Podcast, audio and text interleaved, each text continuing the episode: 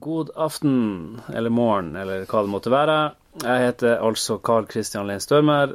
Har nå sittet og prata i tre timer i strekk. Det er jo veldig hyggelig å prate øh, om det man øh, holder på med og brenner for, og også å prate med folk som ikke nødvendigvis holder på med akkurat det samme, men der øh, man måtte tangere hverandre i, i, i, i attitude og, og passion, liksom det er ofte veldig kjedelig å prate med folk som holder på med akkurat det samme. Mm. Så du prater med musikk om folk som holder på med akkurat samme sjanger, så sier det bare om name-droppe i band, ikke sant. Ja. Det, det, det, er liksom uinteressant. Preaching to the choir. Ja. ja. Det vi har prata om, er jo uh, utgangspunkt i et litt sånn her uh, vanvittig prosjekt jeg har holdt på med de siste ti årene, med noen filmer, og med filmmusikk og med live filmmusikk og og som tar utgangspunkt i eh, snowboardkultur, som jeg var en del i på 90-tallet, og, um, og, som nå har uh, strekt seg langt opp i voksenalderen. Kanskje er det noen visdomsord dypt inn i materien. Kanskje ikke. Det vet du ikke hvis du ikke har hørt gjennom hele, fra start til slutt. eventuelt kan du gå på Instagram og så se en sånn her Wait for it-video Uh, hvis du gidder å se ferdig de 15 sekundene, kanskje er det noe interessant på tampen. Ingen garanti for det heller. Eh, eh, og med det ønsker jeg god lytting. og så, så, kan jeg jo da kanskje ha ja, Fade inn litt, litt fra, fra soundtracket. Ja og så fade inn i, i praten. Altså. Ja. Det tror jeg blir bra.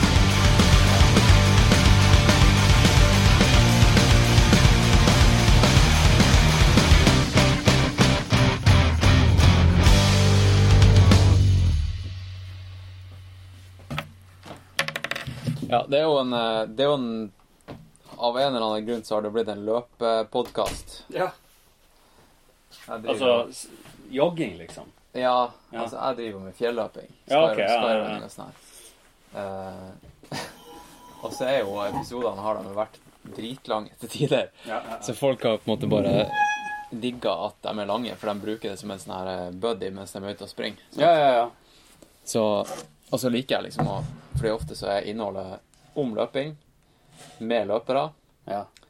Uh, og noen ganger så kan det også være så liker jeg bare liksom at siden publikummet mitt er løpere, mm. betyr jo ikke at de bare vil høre om løping. Ikke sant. Så noen ganger så bare stikker jeg dem snakke litt, snakke litt om løping. Med ja. andre ting. ja. Springer mye i fjellet sjøl, men uh... Ja, jeg skal bare sjekke lyden om uh... Har du hørt om uh, islandsk brød? Nei. Det er visstnok uh, sånn nedgravd brød som tar sånn 24 timer. Ok. De har jo en del merkelige merkelige retter der borte.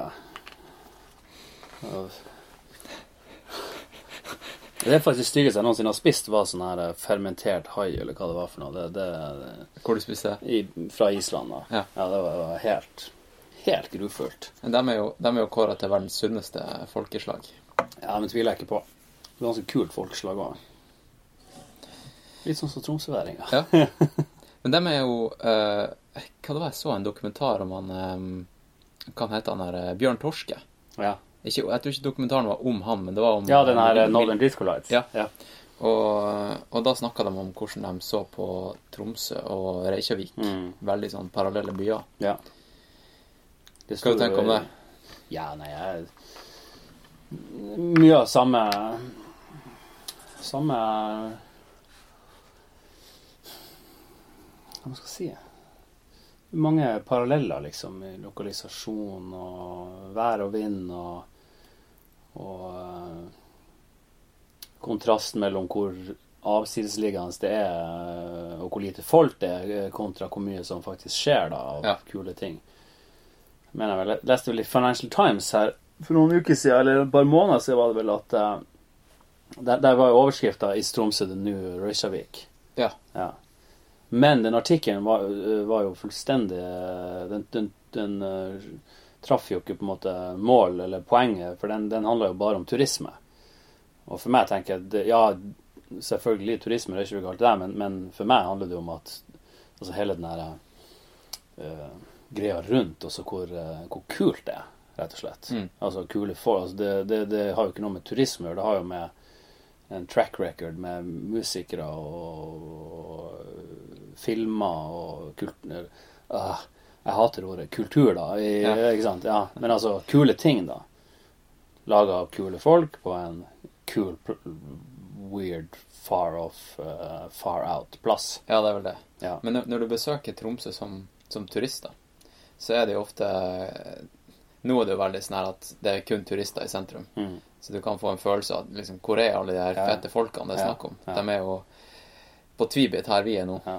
eksempel. Eller uh, hjemme, fordi at det er så, eller, så ja, ja, jo, nei, jo, jo, nei, men også, det er mange, det noen som klarer liksom, er, er, er liksom Uansett hva man gjør, så er det jo galt. Sånn at det er jo mange som liksom fokusere på det negative med alle de turistene som er i Tromsø nå. Jeg klarer ikke helt å se den, da. Det negative ja, altså, De får nå bare Greit nok at det er litt turistsjapp Altså, det, det, er jo en sånn skog av jungel av turistsjapp i byen nå, og selvfølgelig er det jo det Skulle heller ha vært noen kule nisjebutikker og sånn, men, mm. men, men samtidig er det jo Altså, for fem jeg husker akkurat når det her eh, store kjøpesenteret kom med eh, Jekta, eh, når det ble utvida og alt det der. Det var, det var jo en sånn her, det var en sånn grim stevning i sentrum, ikke sant? der det var sånn her ødeland. Mm. Og det er sånn her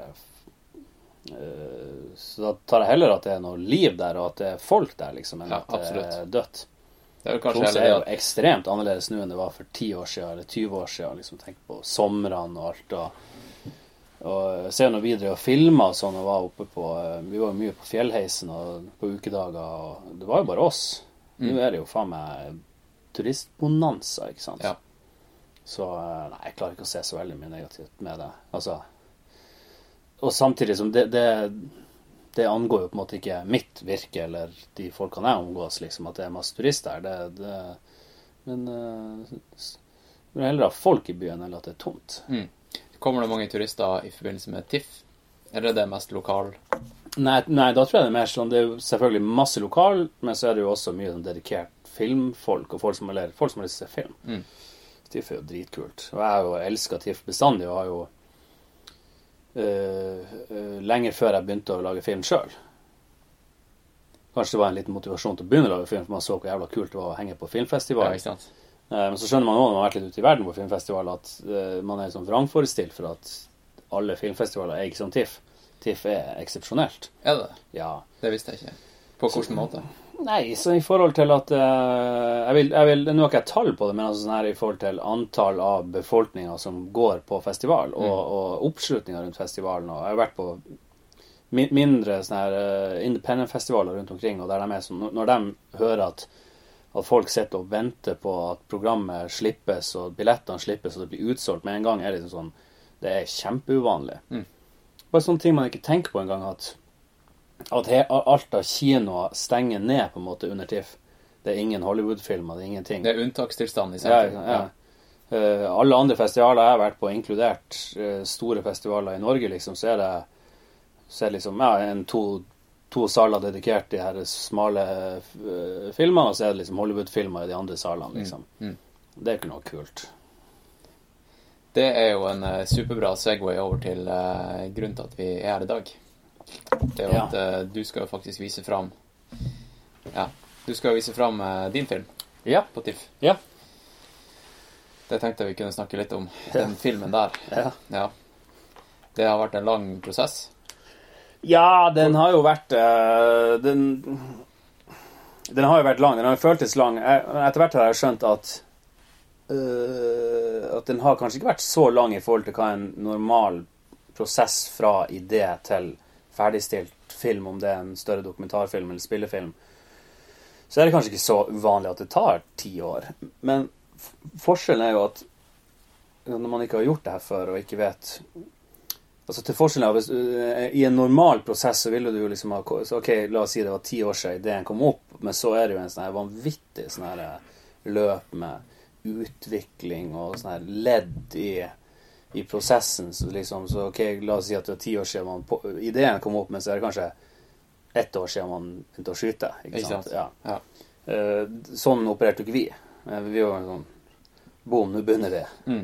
Vi tror vi skal være ferdig om et år. Har ingen anelse om hva det innebærer å lage en sånn film. Eller man vet jo aldri hvor en sånn historie vil, vil gå hen. Og så Derfor har det nok føltes lenger også, selvfølgelig for folk også, siden vi hele tida har annonsert at nå kommer den. Altså, nå kommer den ikke, nå kommer den, nå kommer den ikke. Og det er ikke sånn jeg har Ja. øh, med vilje tenkt å lure noen. Jeg har jo trodd den skulle komme hver gang. Jeg har bare ikke skjønt at den ikke skulle komme. Ja. Ja. Fordi, eh, hva, hvor mange år siden hadde dere lagd denne traileren og, og begynte med crowdfunding? Det er vel kanskje Nei, seks- første traileren kom i 2012. Ikke sant? Ja. Neste traileren kom i 2013. Ja. Så kom en trailer i 2014, og da var det sånn veldig definitivt at januar 2015 skulle den ha premiere. Uh, skulle være åpningsfilm på TIFF. Det er jo når det nå blir januar, så er jo det faktisk fire år siden. Ja. Det er jo Hva, det er spesielt. Hvordan forhold har dere til uh, TIFF, da som er Tromsø internasjonale filmfestival, for dem som lurer? Fordi at Ja, eh, nei, har, vi- har dere skuffa dem år på år på år? Har, har dere fått ny det, sjanse? jeg, jeg, jeg, jeg, har ikke en følelse av det. Selvfølgelig det var en del sånne Mhm. praktiske ting som måtte forordnes når, når, eh, når det her kollapsa litt for fire år siden. Men eh, jeg er veldig glad i TIFF. Jeg har et uh, Som jeg sier Det kuleste mennesket jeg kjenner, er jo Martha, som er sjef i TIFF. Og jeg og Martha har vel vært skjønt enige om at uh, Jeg måtte forholdt meg primært til henne da. Det var jo eh, når vi holdt på med det her sist og skulle Og, og det var et det var en sånn uh, Hele det, det stuntet der var en collaborative effort mellom meg og henne. Vi visste Hva- begge stunt? at vi annonserte at det skulle ha være øh, Åpningsfilm? og i det hele tatt øh, uten at Ja. Mye kan sies om hvor langt i klippeprosessen man må komme når man annonserte det. Ja, ja. øh, En og en halv måned før. Fordi Ikke spesielt langt. vi, jeg driver og eh, Vi driver og lager dokumentarfilm nå sjøl. Ja, okay, Ja. eh, om en sånn her eh, ekspedisjon som vi gjorde i sommer, der det var en, eh, en kompis som sprang fra Operataket i Oslo til eh, Gardepiggen på fire dager. ok. Eh, og, eh, og da var jeg i kontakt med en eh, Jeg var på en filmfestival, sånn her Ja, ja, outdoors-festival, og spurte hva skal til for å komme på deres eh, screening. Og så, så sa han eh, nei, du trenger bare ha en sånn her halvferdig Trenger ikke være i nærheten av ferdig engang. Du Ja. trenger bare ha noe du kan pitche med, liksom. Ja. ja da, og det hadde for så vidt vi òg til en viss grad. Men kanskje jeg hadde gode evner til å Overbevise. Ja. Ja. Ja, nei, men altså man, må, øh, Nei da, i, det tilfellet så handler det om at du hører hva slags tanker jeg har om hva det her skal bli til slutt, og så var det jo eksempel å se på mye av øh, råmaterialet. Mm. Men som man erfarer etter hvert øh, Det å klippe en nesten to timer lang dokumentarfilm, det er verken gjort på, øh, på en dag eller to. Og som det skulle vise seg i mitt tilfelle, så var det jo å, å tre av den høye hest et lite øyeblikk og, og erkjenne at eh, at jeg, trenger noen, jeg trenger noen utenfra som kan eh, hjelpe meg å stake ut ei, ei historie eh, ut av et vanvittig svært material med vanvittig mange karakterer, sant? Som går over 20 år. Det en hel livshistorie, ikke sant. Ja, kan vi ikke ta, Før vi går inn på liksom, eh, klippeprosess og alt sånt, her, kan vi ikke bare ta og prøve å gjenskape eh, Fortelle historien? Hvis du eh, Ja, nå er jo det interessante er jo at når man da øh, I hvert fall når man holder på å klippe en film i så lang tid som vi gjorde, så var ett og et halvt år var klippinga, klippeprosessen. Og det som jeg prater med de andre karakterene i filmen nå, er jo at øh, Altså, en dokumentar er jo aldri en fasit. Det, det er jo ikke. Det er jo en versjon av historia. Ja. Uh, men nu, selv dem som nå levde historia, uh, og som nå har sett filmen, der selvfølgelig filmen tar, den tar snarveier for å forklare et eller annet og Mm. stokke om på av og til på uh, hendelser i, i, i tidsforløpet og sånn.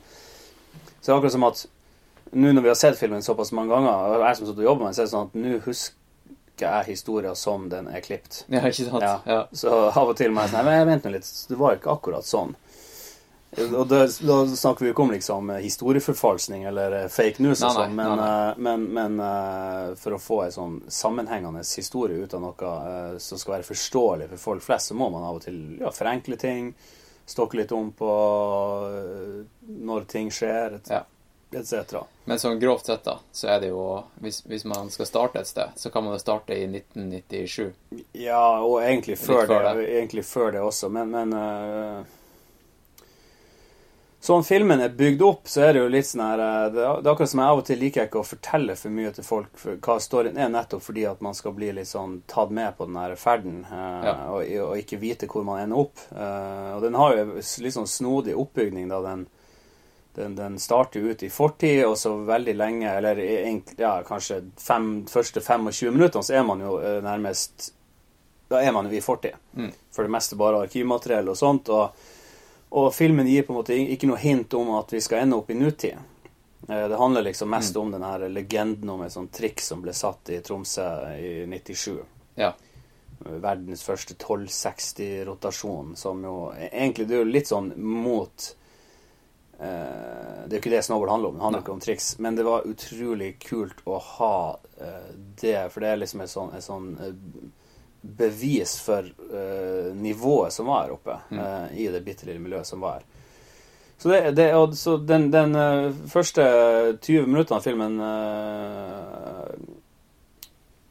Anslaget er jo det, liksom Hva er det her for noe? Det er en sånn legendarisk hendelse. Noen vanvittig svære ord med folk som snakker engelsk og amerikansk. Og, og så er liksom hva, hva, er det her? Finnes det bevis? Og så er det jo en sånn legendehistorie om det der uh, greia, det trikset der som ble satt i 97, og liksom ble det dokumentert, ble det ikke dokumentert? I, i Krokenløypa i Tromsø. Ja, i Kroken. Ja. Uh, mye kan jo sies om det, og det å prøve å finne liksom, dokumentasjon på det, som faktisk ikke er med i filmen, akkurat hvordan det dukka opp til slutt. Uh, men jeg kan jo avsløre at det kanskje dukka opp. Ja. At det finnes bevis. Ja. uh, men så blåses jo på en måte det etter 20 minutter. Jeg husker hvem det var. Jeg hadde, i hvert fall når vi hadde testvisning, og så, og så var det noen som bare sånn her Du avslører det nå, liksom. Det er jo, uh, det er jo en og en halv time igjen av filmen. Hva, hva, filmen skal handle om nå. Men så, så blir det jo ei sånn blir det jo en helt annen film etter hvert, da, der man liksom begynner å gå tilbake og finne tak i, i de, de, de, få folkene som var der på den tida. Og, så er det jo den her I forlengelsen av det som skjedde rundt, rundt 97 og den, den, konkurransen her, så er det denne historien om denne filmen som ble påbegynt. Den snowboard-filmen som ble påbegynt, eh, men som ingen vet hvorfor aldri ble laga. Mm. Hvem det var som skulle lage den da? Det var vel litt sånn her Det var jo ikke noe sånn her Vi var jo bare en gjeng, liksom. Ja, Men var det deres, altså deres i, i quotes kidsene som skulle stå for filmen, eller var det noen, ja. eldre? Nei da, det var oss. Ja. ja. Og, vi, og, vi, holdt jo på, det var jo spesielt han Daniel Mikkelsen som var uh, mm. Så han lagde jo skateboardfilm. Og, ja. og, men så vi hadde jo liksom folk som filma i miljøet og tok bilder, og, og hadde jo en sånn veldig sånn overall tanke om at vi, vi, vi, kan gjøre hva vi vil. Mm. Gjøre alt. Så det var en utrolig sånn her eh, Vanvittig sånn her kreativ uh, force og bevegelse, liksom. Men du, det ble jo en skatefilm. Jeg husker jo det kom ut en sånn her papillon. Ja, papillon. Den var jo dritbra. Ja, ja, den er dritbra. Og så kom det en, og så er det jo også en, en, som kom året før, da, som bare heter Tromsø 98. Ja, ok.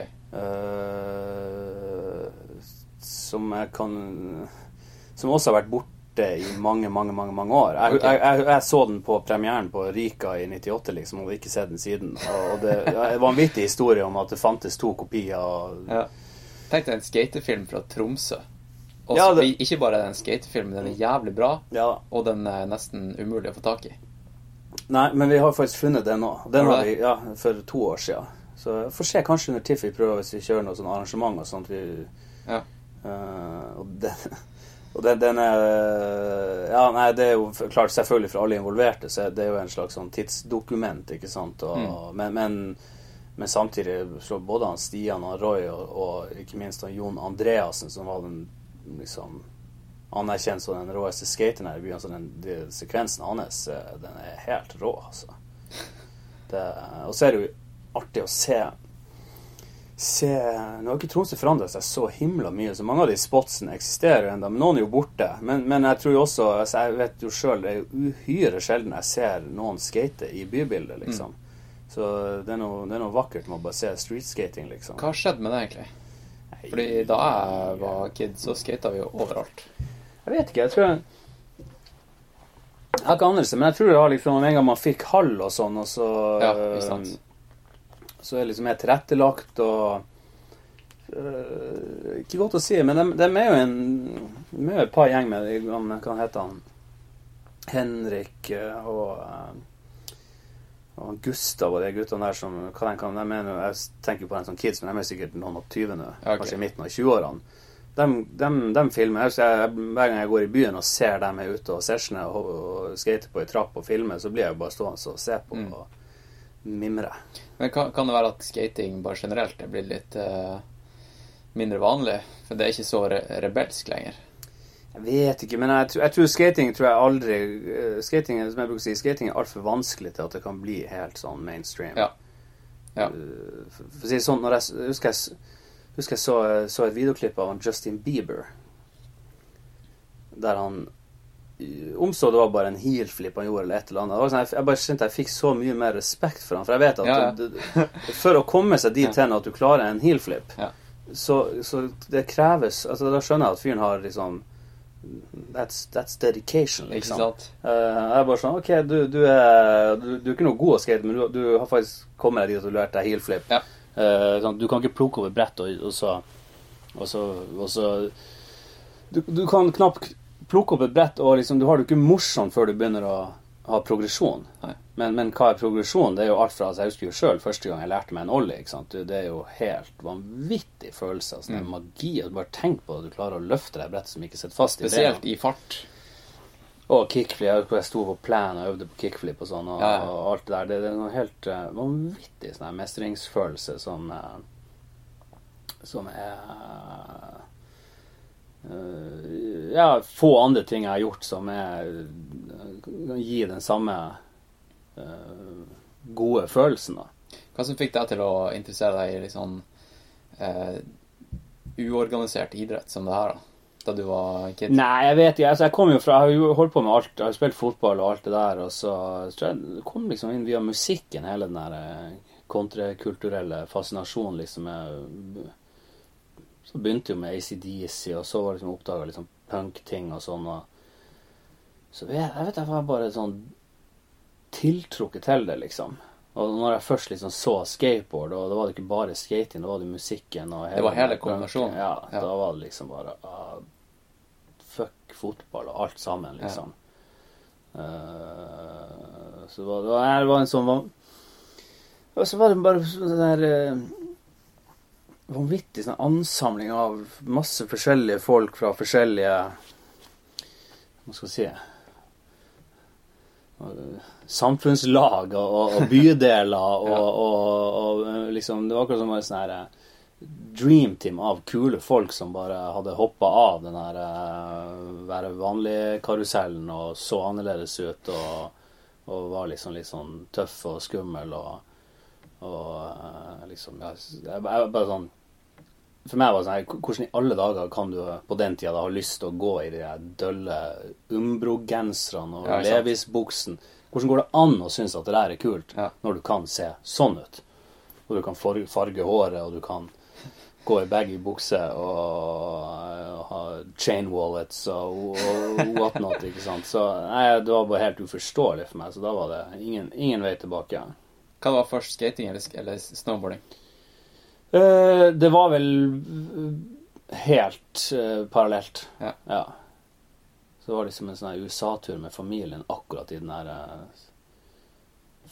i, i de ukene der, akkurat når det her skjedde, liksom. Jeg husker jeg fikk meg snowboard til jul, og så dro vi til USA. og Da var det liksom å finne liksom skatesjappa i den byen vi kom til, ja. og kjøpe airwalk-sko som var altfor store, og skateboard, og, og så var det bare peise på. Det var på den tida alt var liksom Når du dro utfor Tromsø, så var alt unikt. Det, ja. De sjappene du fant. Ja, som det var her å komme hit, liksom. Ja, nei, det var, det var uh... Hadde liksom de her merkene som du bare hadde sett i magasiner. Ja. Nei, så jeg husker jo altså det er det, CCS uh, Magazine, altså det der um, som man bestilte fra, og Bernhard Sports i Oslo. Vi dro jo liksom ut til Bernhards ute Mm. på Ness, Ness og Tangen og ut der, og på sånne nærmest sånne her pilegrimsturer, liksom. Ja. Det var stas som faen. Men når kom den her, eh, den her sjappa til han Vegard, da? Når var det det hele starta? det var vel i 90 eh, så Det var jo bitte litt før meg, så det var eh, Om det var 95 eller 96. Mm. Og da, 95 nå, kanskje. nå kanskje lytteren eh, datt litt av. Mhm. Sjappa til han Vegard. Den er jo ganske sentral i, I filmen, ja. I filmen. ja, ja, ja. Og det her er jo da den her eh, episenteret for hele bevegelsen. Nei, det, si. det som lå i Storgatebakken, eh, og ja, noe sånn for min del også, så var det jo jeg, som det kommer frem i filmen, jeg så en sånn skate-demo på, på torget som 13-åring, og da det var eh, musikk og skating, og med, hele, med han, som han Vegard hadde arrangert da. Så var det liksom å manne seg opp til å gå inn i Margot Bain. Ja. Brukte sikkert noen uker på det, og Ja. liksom, jeg var jo ikke worthy. Og, og det kan du spørre hvem som helst om i løpet av den Jeg husker det sjøl. ja, ja, ikke sant? Altså, når folk forteller historien om, om, om, om første gang og hele den prosessen med å manne seg opp for å gå inn i butikken, og, og folk som har blitt kasta ut, for de har stilt feil spørsmål og Men liksom alt det der kom jo fra Altså, du Hvis folk som ble nekta å kjøpe ting, Ja. uh, for eksempel hvis det kom foreldre inn som ville kjøpe det brettet til ungen han Men han Vegard altså, Pointet var jo at han brydde seg jo så jævlig. Ikke sant? At han Hvis han visste at det brettet var feil til den ungen, Ja. uh, selv om det kanskje hadde redda omsetninga den uka. Nei, du får ikke kjøpe det. Ikke sant? Det er jo helt fantastisk. Ja. Det er jo eh, det, Ja, det, det var, det var jo en institusjon. Det var, det var jo et, et ja, reservehjem, en institusjon, en, en, en sånn uh, En hub, et hjem. Altså, jeg, jeg bodde jo tilnærma der. Mm. Ja. Og fikk liksom eh, opplæring i livet. Alle- livets fasetter. Ja. Ja. Nei, jeg husker det sjøl godt, da. Den, eh, da var det ikke Margot Bain. Da var det Hva var det neste sjappa het? Area 51. Area 51. Ja. Var det samme sted? Nei, det var ikke samme sted. Det var oppe i eh, Litt lenger borte i byen. Ja, nei, altså det var eh, Margot Bain, og så hadde han en meget kort periode med Margot Bain inne på Veitasenteret. Ja. Så det fungerte jo selvfølgelig ikke. Du kan ikke plassere en sånn Nei. butikk Nei. der.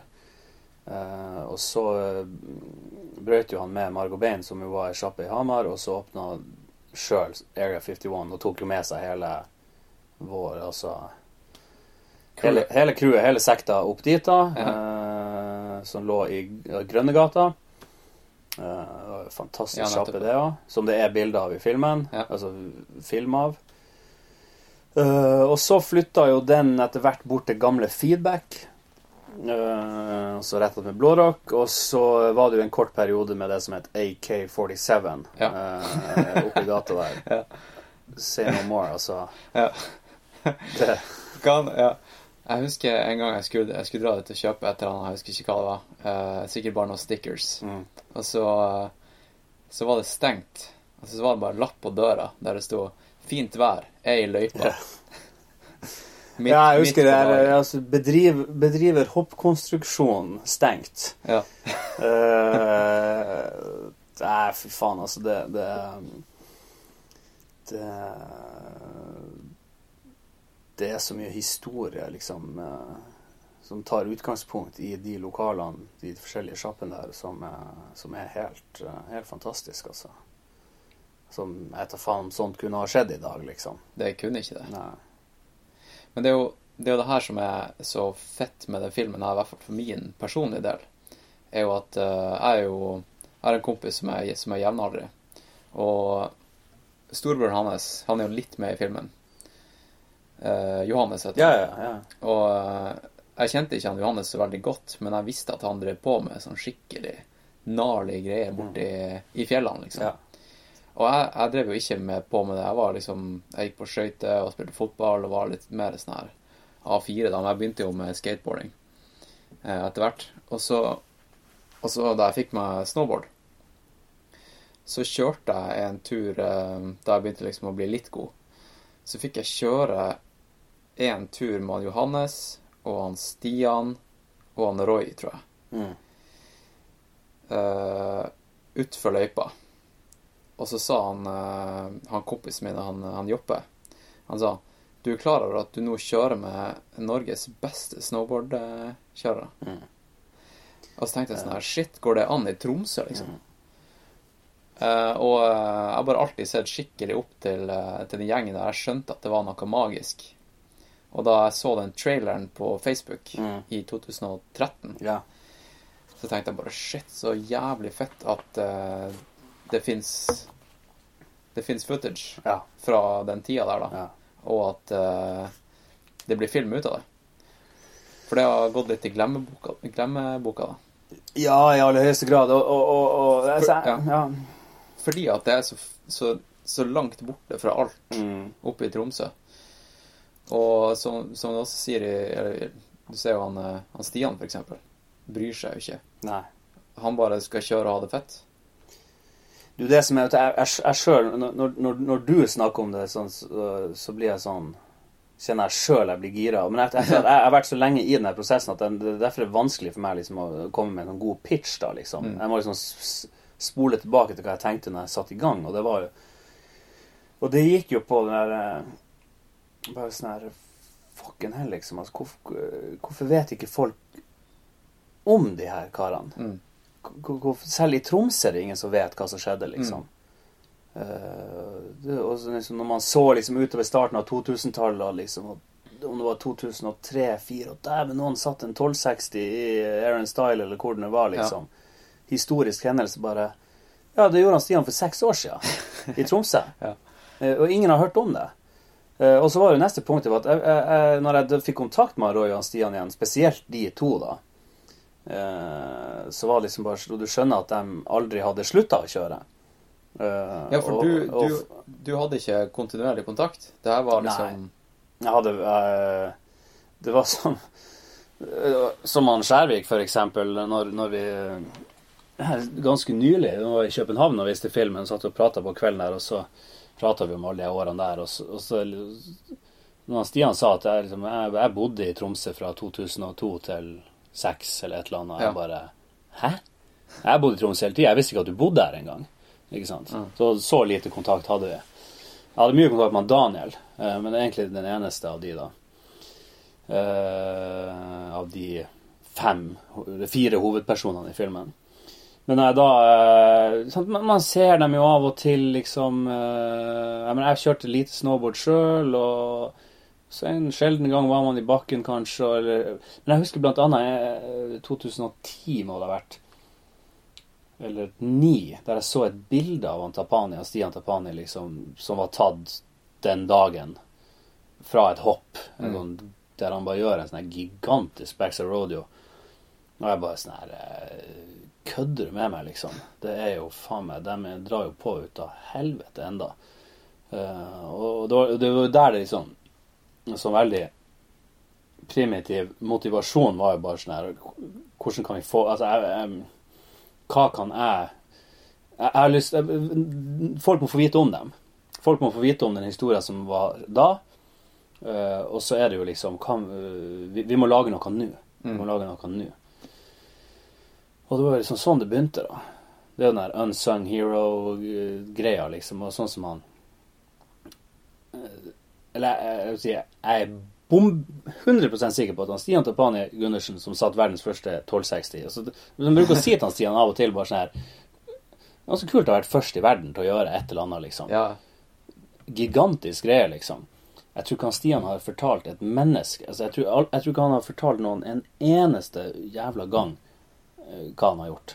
Jeg tror, altså, altså du- Så ydmyk og, og, og liksom bare det, det, det er liksom Det er jo oss andre som må stå og, og rope det til verden, liksom. At hallo, han fyren her gjorde det her, liksom. Gi, gi han the proper Uh, Gi han hans plass i snowboardhistoria Ja. og, og, og, og den respekten han fortjener for det. Og så i tillegg, som det, jeg syns det kommer utrolig fint frem i filmen, og det er derfor jeg tror den, den, den, den folk til syvende og sist liker er jo at det er jo en, rett og slett en utrolig eh, fin gjeng med utrolig flotte folk Mm. som man blir glad i, og som man ønsker vel, og ønsker at skal få det her til, liksom. Mm. Uh, og forskjellige typer, ikke sant. Uh, nei, det, det, det er rett og slett en uh, utrolig fine folk. Som var og, og, og, og, er eh, jævlig flink. Eksepsjonelt flink, og klart spesielt på den tida. Eh, helt rå. Hva du gjorde på, på den tida da, da de andre fortsatte å kjøre? Nei, jeg, jeg, altså det, det, henger jo litt i hop med at jeg fikk den hodeskaden i 98. Ja, eh, Fikk meg et kraniebrudd i en snowboardkonkurranse. Eh, som kanskje gjorde litt, men, men, men poenget var vel at jeg da begynte å gjøre mer musikk. Det hadde vel Ja mm, Det var vel ei jente jeg skulle imponere, som var mer interessert i musikk enn snowboard. Så Ja, da, det er eh, ofte sånn. Ja, Ja. Uh, og det ble jo da starten på et band som heter Turdus Musicus, som jeg holdt på med i tolv år. Det er det sikkert mange Eh, lyttere som har eh, hørt om, tenker jeg. Vi, vi holdt nå på mye over lang tid. Og, ja. og, og for meg var liksom det å spille hardcore-shows var jo litt av den samme feelingen som det å kjøre snowboard.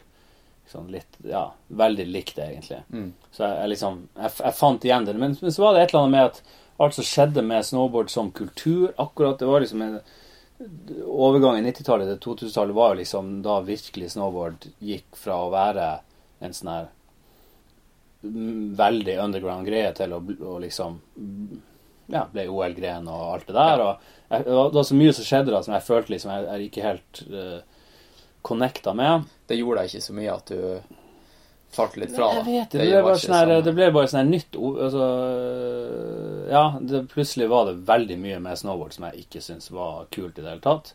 Og for meg handla snowboard Ja, jeg syns det er artig å kjøre puddersnø og alt det der, men det er jo ikke derfor jeg holder på med snowboard. Eh, Nei. For meg handler snowboard og skateboard om På ene sida, som jeg snakka om i stad med skating, den her pro, altså progresjon. Altså den her eh, Det å eh, Hva det heter, altså Tilfredsstillelsen ved, ved å lære seg noe nytt uh, og sette triks altså etter uh, x antall hundre forsøk. Altså, altså Hele den progresjonsbiten var utrolig viktig. Akkurat som Eh, løping, da. Ja, ikke sant? Ja. Eh, og med, en- gang det elementet ikke var der, litt for at jeg ble redd, så skada jeg kneet et par år seinere, jeg hadde den hodeskaden. Sånn at for meg det der å, å skulle bare dra i bakken for å kose meg la med noen studiekompiser Mm. det, det ble bare et helvetes antiklimaks. eh, Jævla trist opplegg. For det var en vanvittig påminnelse hver gang du strappa inn og dro bort i bakken at jeg har snowboard på beina, det er snø og alt det der, men det, det her, her har ingenting med det jeg begynte med. Uh, og, og, og som jeg sier, progresjon, og det andre var kulturen. Ja? Jeg, jeg, jeg følte jeg var del av en sånn her revolusjonær bevegelse, ikke sant. Og vi visste ikke helt hva den skulle ende opp i, men det var liksom bare sånn her Det var så sinnssykt energisk, og, og, eh, og vi var liksom rebels without a cause, liksom. Men, men det, var, det føltes litt sånn litt sånn, og med en gang jeg husker jeg begynte å studere, og så var det liksom ja, kompiser som kjørte ski og skulle på tur, liksom, og jeg skulle bli med. Nei, fuck det der. Jeg, det har ingenting med det jeg holder på med å gjøre, Nei. eller holdt på med før.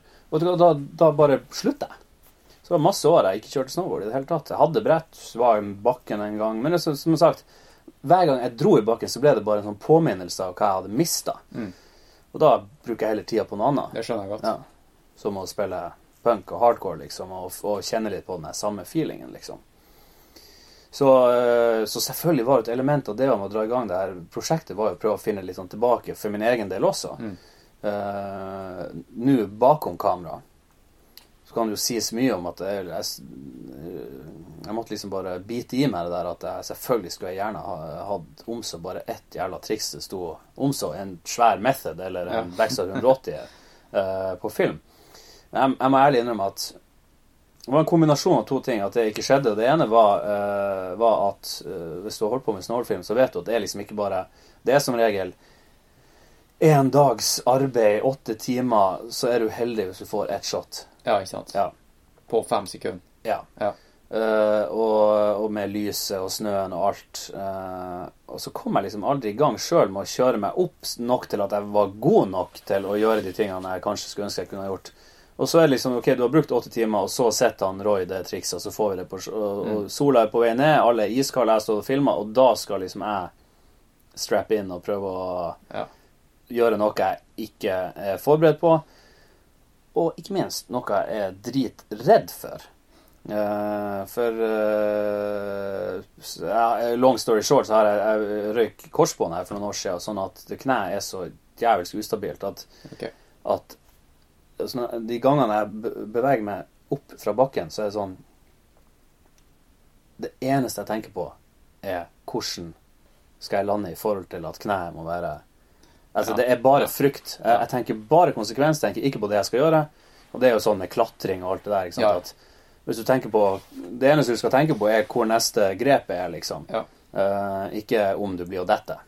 Jeg tenker kun på dette, og så ser jeg for meg hele denne prosessen. Om Da- det er å falle ned fjellsida, eller at Da jinxer du det. Ja. Mm. Så uh, Nei, jeg skulle, skulle det, Nei, jeg ikke legge skjul på i det hele tatt. Jeg savner den der eh, følelsen av å sette et triks. Og, snu seg og bare sånn registrere at folk er stoka. Selvfølgelig skal man Ja. jo ikke juble sjøl, du skal ikke claime det sjøl, men den, er, den utrolig komiske greia med at du skal late som ingenting har skjedd. Ja, ja, for det er jo jævla mye stil i snowboard. Ja, ja, altså du, du, du skal jo ikke claime det. Det er jo liksom ikke lov. Nei. Uh, men den følelsen der er jo Å, herregud, altså.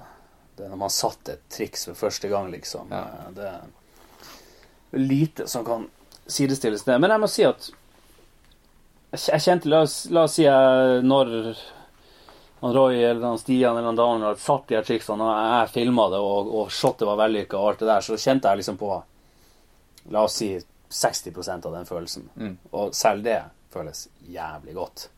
Så uh, det får holde. Ja. Ja. Og du, eh, du ble jo da eh, Du studerte jo også. Ja. Du er jo faktisk lege. ja. Du er lege i dag også. Litt. Litt. Ja. Og så tok du en eh, ph.d. her om dagen. For Jeg Ble ferdig for eh, ei uke siden omtrent. Ja. Akkurat. Det er jo jævla mye forskjellige baller oppe i lufta, da. Ja, det Det er jo det. det, det men det har det alltid vært. Så det er liksom eh, Jeg tror bare det er min eh, sånn modus operandi. At eh, hadde det ikke vært sånn, så så ville, så ville ikke de andre tingene ha sett ut som de gjorde heller, liksom. Så eh, Nei, det er klart, man kan jo si det er jo snodig å ha brukt så mange år på å liksom ta en utdanning og sånn, og egentlig ikke ha noe sånn veldig tanker rundt å skulle bruke det til noe, heller drive og fyke rundt med, med, med, med et kamera eller sitte og lage musikk. Veldig få mennesker har noe interesse av å høre på, liksom. Men, men eh, if it makes sense, er det jo, er det bare å gjøre det. Hvordan tror du eh, hele den utdanninga di og yrket ditt eh, har påvirka det kreative? Nei, nesten ta det livet av det.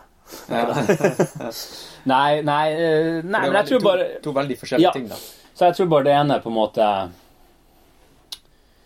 Det er noe Ja, altså det ene bare gir deg mer fire til å måtte gjøre det andre. Ja. Jeg tror hadde jeg sittet liksom og skulle lage musikk alle disse årene, eller laga film eh, Jeg ser bare med musikk og film altså Når jeg holder på med film, så er det liksom utrolig eh, fokus på det, og så i neste øyeblikk så er det utrolig godt å bare ikke holde på med det. Mm. Holde på med musikk, da. Uh, og i neste øyeblikk sitte og prøve å forberede disputas, liksom. Ikke sant? Eh, så, så det ene altså Med en gang det er ferdig, så har du vanvittig mye energi til å gjøre det andre igjen. ikke sant? Så eh, det blir sånn å hoppe fra det ene til det andre er, er givende og stimulerende, liksom. På et eller annet vis. Men du, du sa jo opp jobben din totalt en periode, gjorde du ikke det? Jo. Ja. For å lage Ja, det er litt, filmen? det er litt, det er litt løgn, for jeg hadde fortsatt den disputas... Nei, ikke det, ph.d.-stillinga. Ja, ja. Men jeg sa opp den kliniske jobben. Ikke sant? Eh, med en tanke om at det skulle ta et år å lage den filmen. Jeg skulle Ja. satse på det et år, da. Og det har ikke hatt fast legejobb siden da. Nei. Og det er jo nå syv år siden. Savner du det? Nei. Nei. Hvordan var hverdagen da? Var det, altså, var det fastlegejobb? Uh, nei, da jobber jeg på Ørenes hals. Ja. Mm. Uh, så det har ikke savna den, tilværelsen så mye. Jeg fant tidlig ut at sånn her gå vakter og sånn, og det, det, det kjøret som er der, var veldig ikke for meg, liksom. Det, jeg liker å sove på netteren, jeg liker ikke å bli vekt på netteren.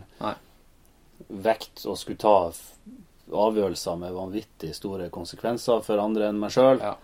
Eh, nei, jeg tror eh, Jeg vet jeg har mange kollegaer som, som ikke Som er helt Altså, de elsker den adrenalin-greia der, liksom. Mm. Var not for me, liksom. Liker å utsette meg sjøl for fare, men uh, ja, ikke sant? Ja. Eller, eller bare søvnløse netter pga. at du eh, ikke får naila klippinga helt riktig.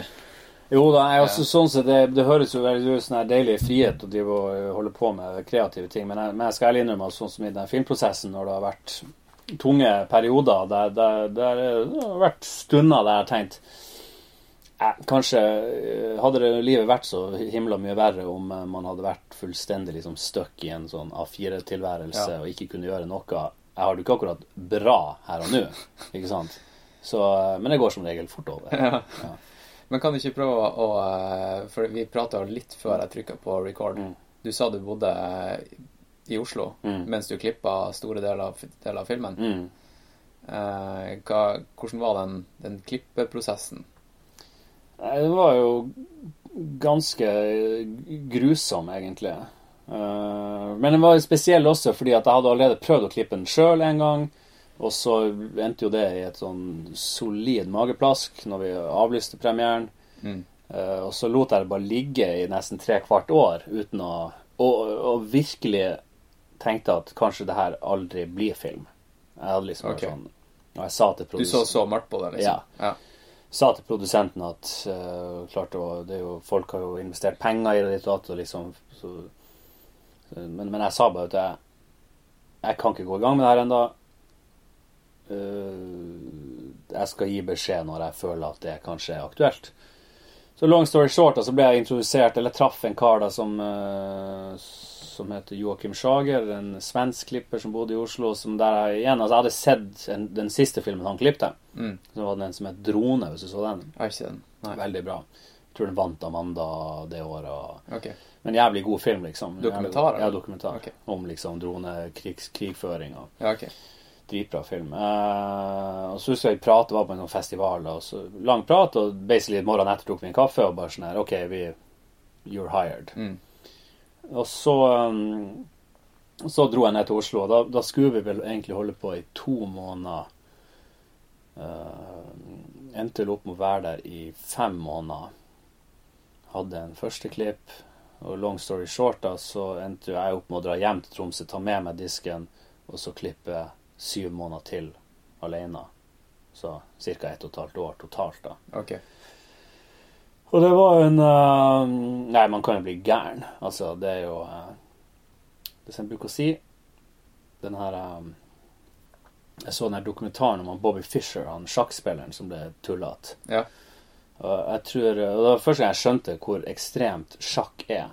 Altså så, som en sånn mental idrett.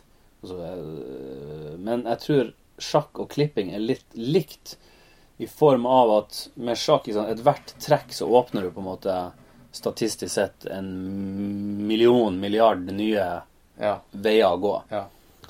Sammen med film. Med en gang du gjør en endring, spesielt i en sånn sak som er to timer lang, ikke sant? Altså, med en gang du gjør en endring, så, så vil det på en måte påvirke alt som skjer etterpå. Historiefortelling. Ja. Alt må henge på grep. Ja, også, også, en ny altså vending. Og der er det også sånn at du kan ikke sitte og jobbe med Du, må sitte og jobbe med små deler av filmen. La oss si en time inn i filmen er det en scene. Jeg sitter og jobber med den, flikker på den, syns det ser dritbra ut, alt stemmer, tempo, feeling du, du, du. du vet ingenting om den fungerer før du har sett filmen fra starten. Nei, så da må du gjøre det på nytt, ja. Ja. ja. Og da kan du tenke deg hvor For hver jævla endring man gjør, Ja. så var det basically må du se hele filmen på nytt. Ja. Eh, og det, det er vanskelig å se en hel film i strekk alene. Så det jeg gjorde de, de, siste. De, de siste tre månedene, var jo at jeg hadde ei sånn visning hver dag med nye folk innom. Okay. Litt for å få tilbakemelding, litt bare for å tvinge meg sjøl til å se filmen i ett. Uh, og så var det sånn, se den en gang, gjøre meg sjøl notater, få notater fra dem som var så på, og så var det liksom å sitte hele kvelden, eh, klippe om det du ville, ny visning dagen etter, samme greia, og sånn fortsetter det. Og filmen endra seg jo veldig, liksom. Ja. Eh, Ble, ble du noe bedre eller dårligere på å ta tilbakemelding og feedback, da? Nei, jeg vil si jeg har nok aldri vært så god på å ta tilbakemelding. Nei. Normalt sett så har jeg vært veldig uinteressert i tilbakemelding. Ok, men, men i dette tilfellet så, så ba du om det? Ja. ja. Ja. Og, og Men det er sånn vanvittig. Altså, jeg husker liksom Jeg visste en til Ariel, som har jo vært med å lage musikk og lyd. Og vi så den Det her må ha vært sånn to måneder eller noe sånt. Nei, en måned før den var ferdigklipt. Og jeg hadde egentlig ikke noen særlige tilbakemeldinger. Og så på vei ut døra så sier jeg ja, vet du hva, akkurat den der scenen der virka litt sånn snodig at den kom der i filmen. Det burde kanskje vært før i filmen. Og det, og det var sånn, det var sånn nesten døra igjen når han sa det. Ja. Og det Akkurat den kommentaren der, da skjønte jeg ok, den scenen der som ja, konkret, det, var en sånn scene som handla om Margot Bein. da Ok. som kom langt ut i filmen, og det var et sånn etterslep etter en tidligere klipp fra et halvt år før. Det hadde hadde bare en scene blitt liggende der. Men nå skjønte jeg at sånn film var klipp nå, så må jo det der flyttes til helt starten av filmen. Men det kan ikke være en scene i seg selv. Jeg må spre ut den informasjonen som ligger i den scenen, utover flere deler der. Så akkurat den kommentaren der leder jo til basically en sånn total omstrukturering av hele jævla filmen. Hvor, Liksom. hvor mange måneder tok, tok det Nei, ekstra hus- arbeid pga. den lille kommentaren? Ja, det var iallfall flere uker. Mm. Men som jeg sa til han Arild etterpå, bare tusen hjertelig takk. Altså. Ja, for det funket. Ja, og da, og da så jeg det sjøl. Selvfølgelig må det der flyttes opp. Ja. Så, eh, og det var en sånn kommentar som bare sånn Ja, forresten. På vei ut døra, liksom. Mm. Så det er vanskelig. Så noen, men noen ganger må du liksom Du må jo også se an hvem som gir kommentaren. Ja. Og det er ikke alle kommentarer som er riktige. Nei. Så i ettertid ser jeg at det, ja, det er noen ting jeg gjorde endringer, kutta de tingene, de bildene der, det er som er sånn ah, Faen, jeg skulle egentlig hatt dem med allikevel. Men jeg, da var jeg sånn Ok, jeg hørte på den personen. Så det er en, eh, var en fæl prosess, det der. Men, men også veldig givende. Iallfall når det begynte å Når det begynte å snirkle seg mot, mot uh, mållinja, liksom. ja.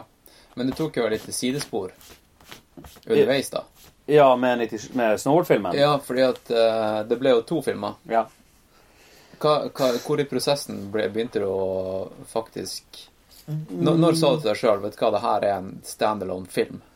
At det er to separate Prøv å filmer? huske når det der skjedde Jeg lurer på om vi var New på vei hjem fra New Zealand. Men var det etter Ja, OK, så det, det var ikke mens du drev og klippa? Nei, nei, det var lenge før. OK. Uh, på vei hjem fra New Zealand hadde akkurat fått han Daniel med. Hadde fått liksom litt footage med han derfra, kunne ha han med i filmen. Så tror jeg på flyet hjem Jeg tror jeg sa litt Faen, jeg tror vi må bruke et år til, og jeg tror det her blir en egen film, liksom. Mm. Og så var det jo liksom, ja Det var egentlig derfor hele greia kollapsa også. Inn mot det der TIFF og det året der, 2014, nei 15, så drev jeg jo og styrte med å få ferdig 97, og så innser jeg nok i ettertid at det var den jeg drev og jobba med. Da jobba jeg med snowboardfilm. Og så tenkte jeg bare ja, men den dokumentargreia, den har jeg i hodet. Det, det er bare å sette seg ned etter at 97 er ferdig, og så klipper vi det i hop, og så blir det helt episk. Ja. Var, men var det fordi at det var det var artigere å lage en snowboardfilm?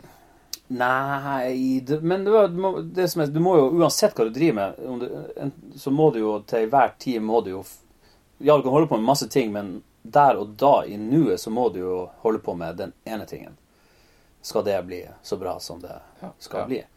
Og, eh, og det, det Altså, det er jo et større under at, vil jeg si, at vi har klart å lage en snowboardfilm som står seg, eh, enn at vi har klart å lage en dokumentarfilm. Mm. For den historien er så god, og alt det der, men det å lage en snowboardfilm som faktisk har en verdi med de forutsetningene vi hadde når vi begynte, ikke, Ja. ikke laga film, mange hadde ikke kjørt snowboard på lenge, så få med alle de folkene, så ble det veldig mye mer med å lage mus all musikken, at vi skulle gjøre det live og alt det der, men det Men det, det vet jo ikke lytteren, da. Nei.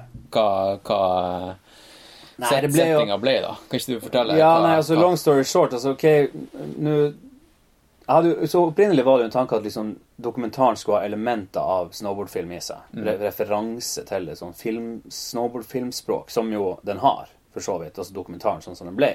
Men så skjønte jeg ok, vi, vi må lage en egen snowboardfilm.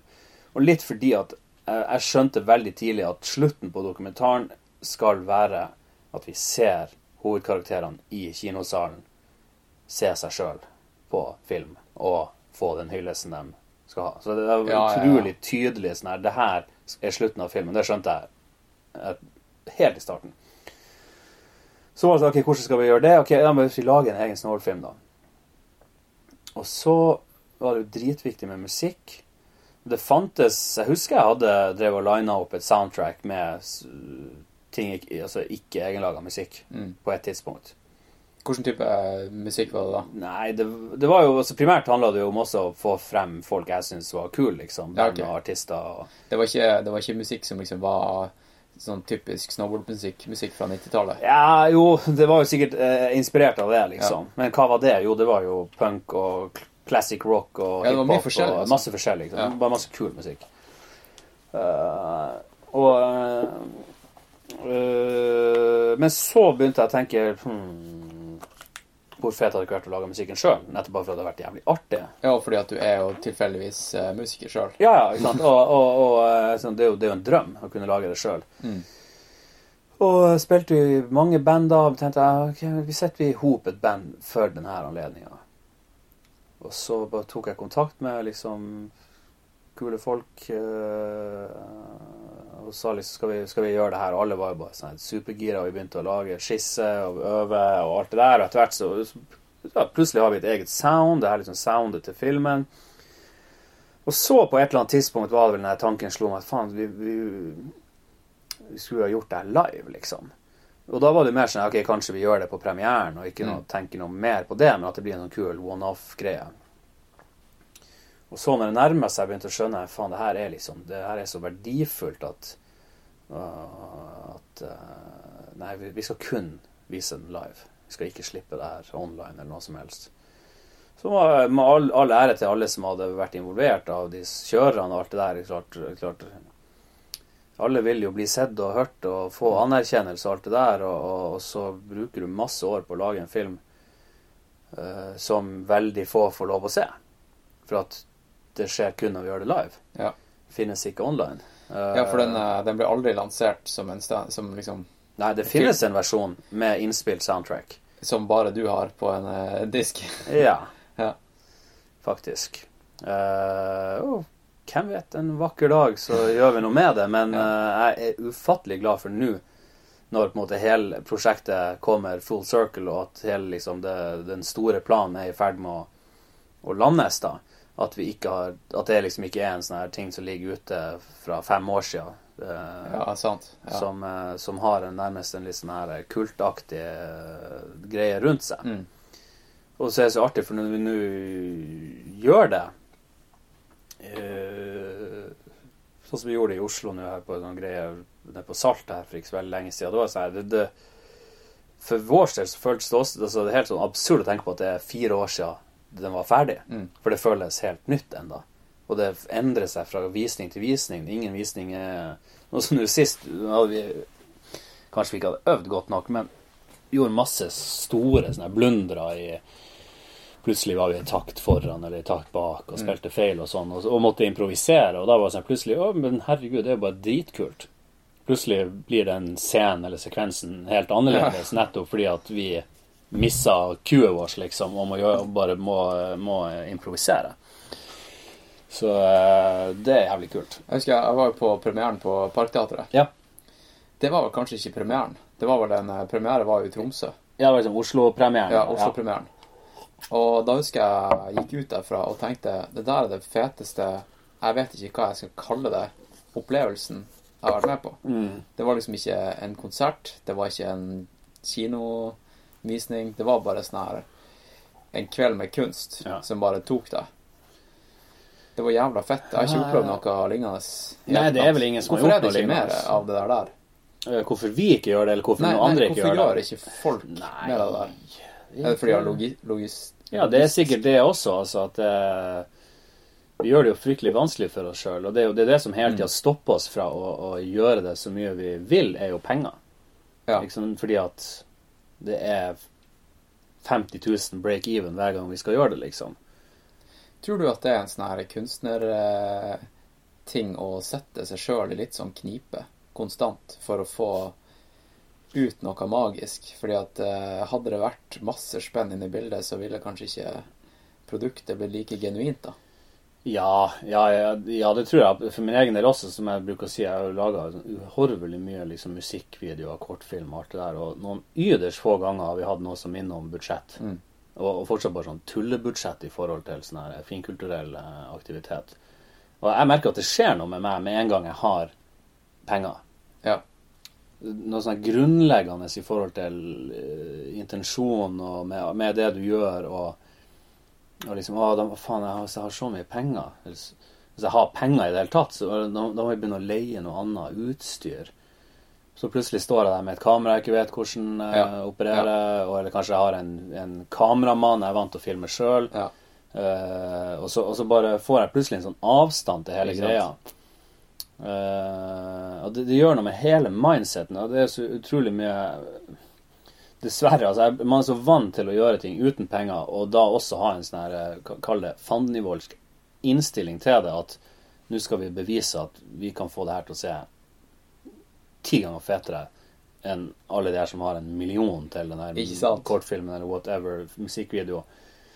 Uh, vi har ingenting, men nå skal vi prove them wrong, liksom. Ja, den der underdog-mindset. Ja. Litt sånn som skating og Ja, ja, og, og, og det, det, er liksom den, den attituden der. Og uh, problemet er jo at Eller det er jo ikke noe problem med det egentlig, men, men, uh, men, ikke, men som sagt, de, de, gangene jeg plutselig har hatt litt penger, så er det sånn her uh, Så har det vel egentlig også blitt dårligere. Mm. Ja. Og så er det jo også noe at når du ikke har penger, så er du avhengig av å du allierer deg med folk som virkelig brenner for noe. Ja. Uh, og så er du på jakt etter at liksom, produktet du skal lage, skal bli såpass bra at du kan bli steinrik. Eller, eller kjent. Eller en eller annen måte skal det, skal det, veies opp for at du ikke hadde penger. Ikke sant? Jeg tror det, men jeg tror, for min er det mer sånn bare sånn, det er bare sånn, det er deilig å ikke å komme liksom fra Komme fra utsida, liksom. Og, og, eller fra undergrunn, eller hva du vil kalle det. Og så mm. bare uh, gjøre kule ting. La med folk som har den samme intensjonen. Og så kan man lage noe man er dritstolt av. Uh, samme som liksom å Jeg har spilt i band i, i 20 år, liksom, og, og, og aldri tatt ut lønn. Mm. Selv når liksom, du hadde band som var superaktive. Men alt gikk inn tilbake i å drive bandet. Sånn, tjente vi penger, så tok vi ikke ut lønn. Da brukte vi det på turné i utlandet. Ikke sant? Så, så, for meg, med en gang jeg liksom skal hyre noen, så er det liksom Hvorfor er du her? Er du her for at du får lønn, eller er du her fordi at du har lyst til å gjøre noe kult, mm, liksom?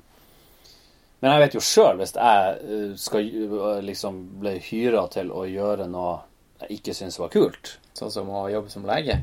Nei, nei, men det blir noe helt annet. Ja, for det, er en helt annen Men kreativt. Ja, ja. Lage reklamefilm, et eller annet. Ja. Hater det. Det er helt jævlig. Ja, jeg, var, jeg var jo uh, webdesigner og utvikler før. Konsulent, ikke sant. Ja, ja. Det er jo typiske. Du, du, du, begynte med det fordi at det var, det var noe litt sånn rebelsk uh, i gamle dager. Og kreativt og visste ikke helt hva man gjorde. Og holdt på med det liksom dag og natt. Og så får du en jobb, og så burde får du deadline. Mm. Masse penger i budsjett. Du mister jo hele gnisten. Ja, og da er for meg plutselig kreativt virke kjedelig ord, men altså i, i ordets brede forstand når det ikke er genuint betinga i at du har lyst til å gjøre noe, men det er fordi at du må tekke en eller annen oppdragsgiver uh, og lage noe du egentlig ikke står inne for sjøl. Ja. Det, det, er en grusom jobb. Jeg blir deprimert. Mm. Og, og, det jeg lager, blir mye dårligere. Uten å nevne navn eller produkt. Jeg husker jeg liksom de, de, få gangene jeg har forvilla meg inn på noen sånne oppdrag, liksom, og der ting har blitt ferdig, og hatt uh, venner som har sagt, liksom, når de så det ferdige produktet kom, liksom, at bare sånn her Så bra ut. Så ikke ut som noe du har laga. Og det var ikke dritkult. Jeg bare sånn Jeg vet. Mm. Men, men, men, liksom My hands were tied. Uh, og uh, jeg, jeg, skjønte det fort med, med, med, Spesielt med film, som jo Jeg tror jeg begynte jo på et tidspunkt akkurat for, ja, for åtte, åtte, år siden der omkring. Akkurat når liksom speilreflekskameraet kom, og liksom, og liksom den tilgjengelige teknologien for en veldig lite penger var kommet, der du plutselig kunne begynne å lage ting som så ganske kult ut. Mm. Uh, så jeg kom inn på et sånt gunstig tidspunkt. Uh, og, og, og, og, med en gang man begynte, og, man så, og folk så ting man gjorde, og det så kult ut, så fikk man jo veldig mye sånne forespørsler ikke sant? for å gjøre sånne ting. Og, så har du de siste ti årene er det jo bare sånn Visuelle ting er blitt så viktig for bedrifter. ikke sant? Alt handler jo bare om å, å pøse ut det absolutt verste ordet jeg vet i hele verden content. Ja. Altså, I øyeblikket du snakker om content, så er det sånn her hva, hva, er ikke content? Hvis du ikke har content, hva er det da du har? Det er jo bare, det er, det er sånn det er jo helt tull. Altså, det å promotere musikk eller et eller annet og snakke om at det er viktig å ha content Men det, it, it, goes without saying. Altså, hvis du ikke har hvis du, altså, Liksom What else is there annet enn liksom uh, image? Men liksom, ja. content er jo det du gjør. Content is mm. king, sier de jo. Ja, jeg er bare sånn Ja, ja hva, hva, ellers er det, liksom? Men hvor jeg vil med det her? Jo uh,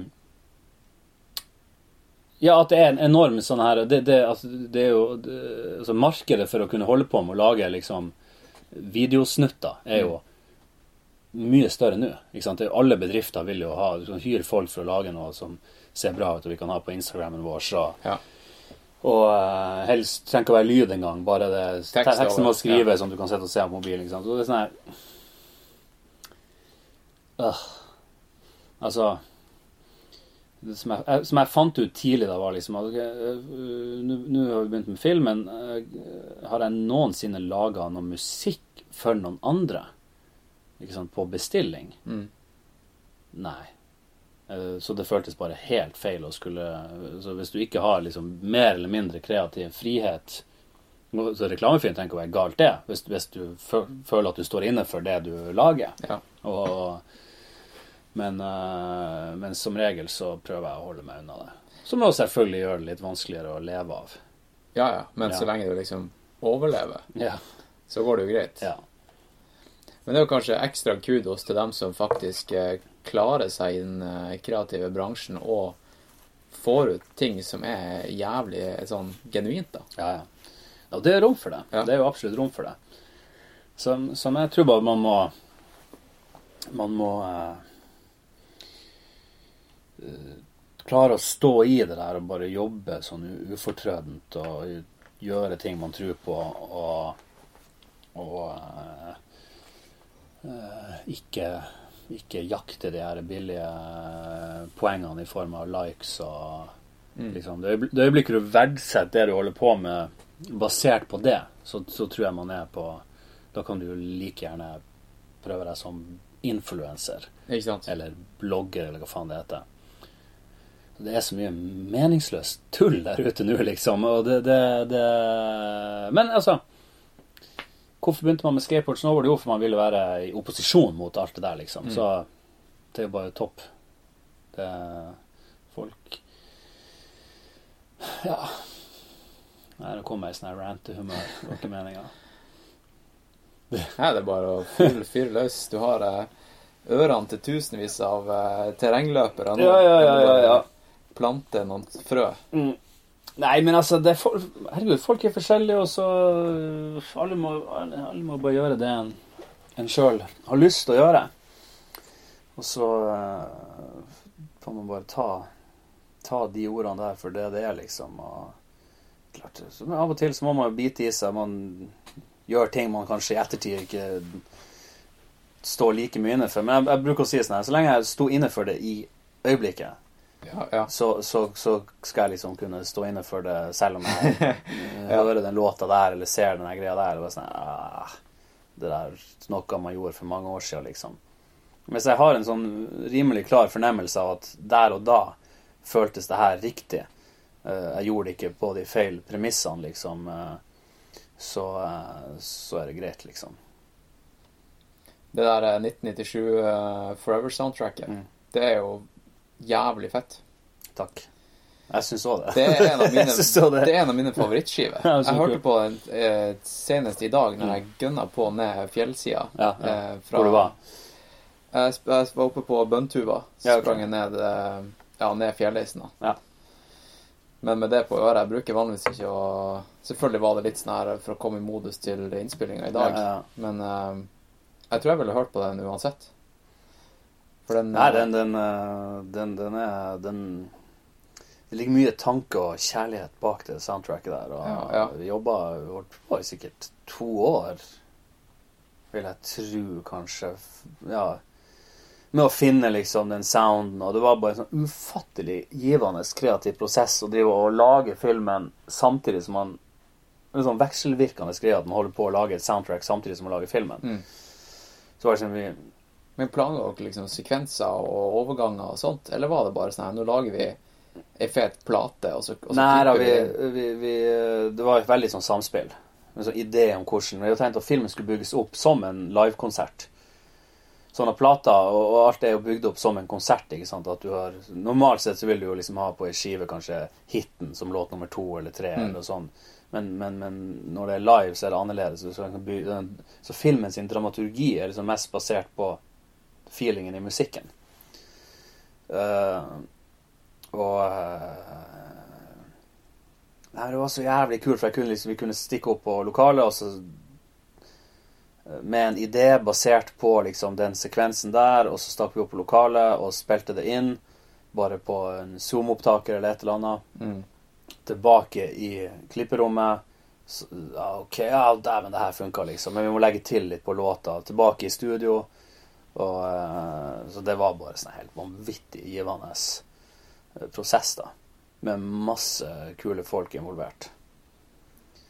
Så eh, Nei, jeg tror for alle de involverte så var det bare sånn her Det var Alle musikere. Ja, det var veldig spesielt. liksom, Man har jo laga plate før og alt det der, men her var det en sånn vanvittig sånn her morsom sånn her vekselvirkende prosess som i tillegg til slutt munner ut i at vi kan gjøre det her live, da. Mm. Eh, Så hadde du sånn gulrot, da. Mm. Du tenkte liksom det her, Ja, så var det litt sånn skummelt òg. Hvordan blir det her å funke? Det visste vi jo ikke før der og da. Nei. Så, eh, så det var Ja, så er det sånn Når du gjør det der live, så er det jo Det er liksom Når, når, når play- play-knappen trykkes inn, så er det liksom ingen No turning back, liksom.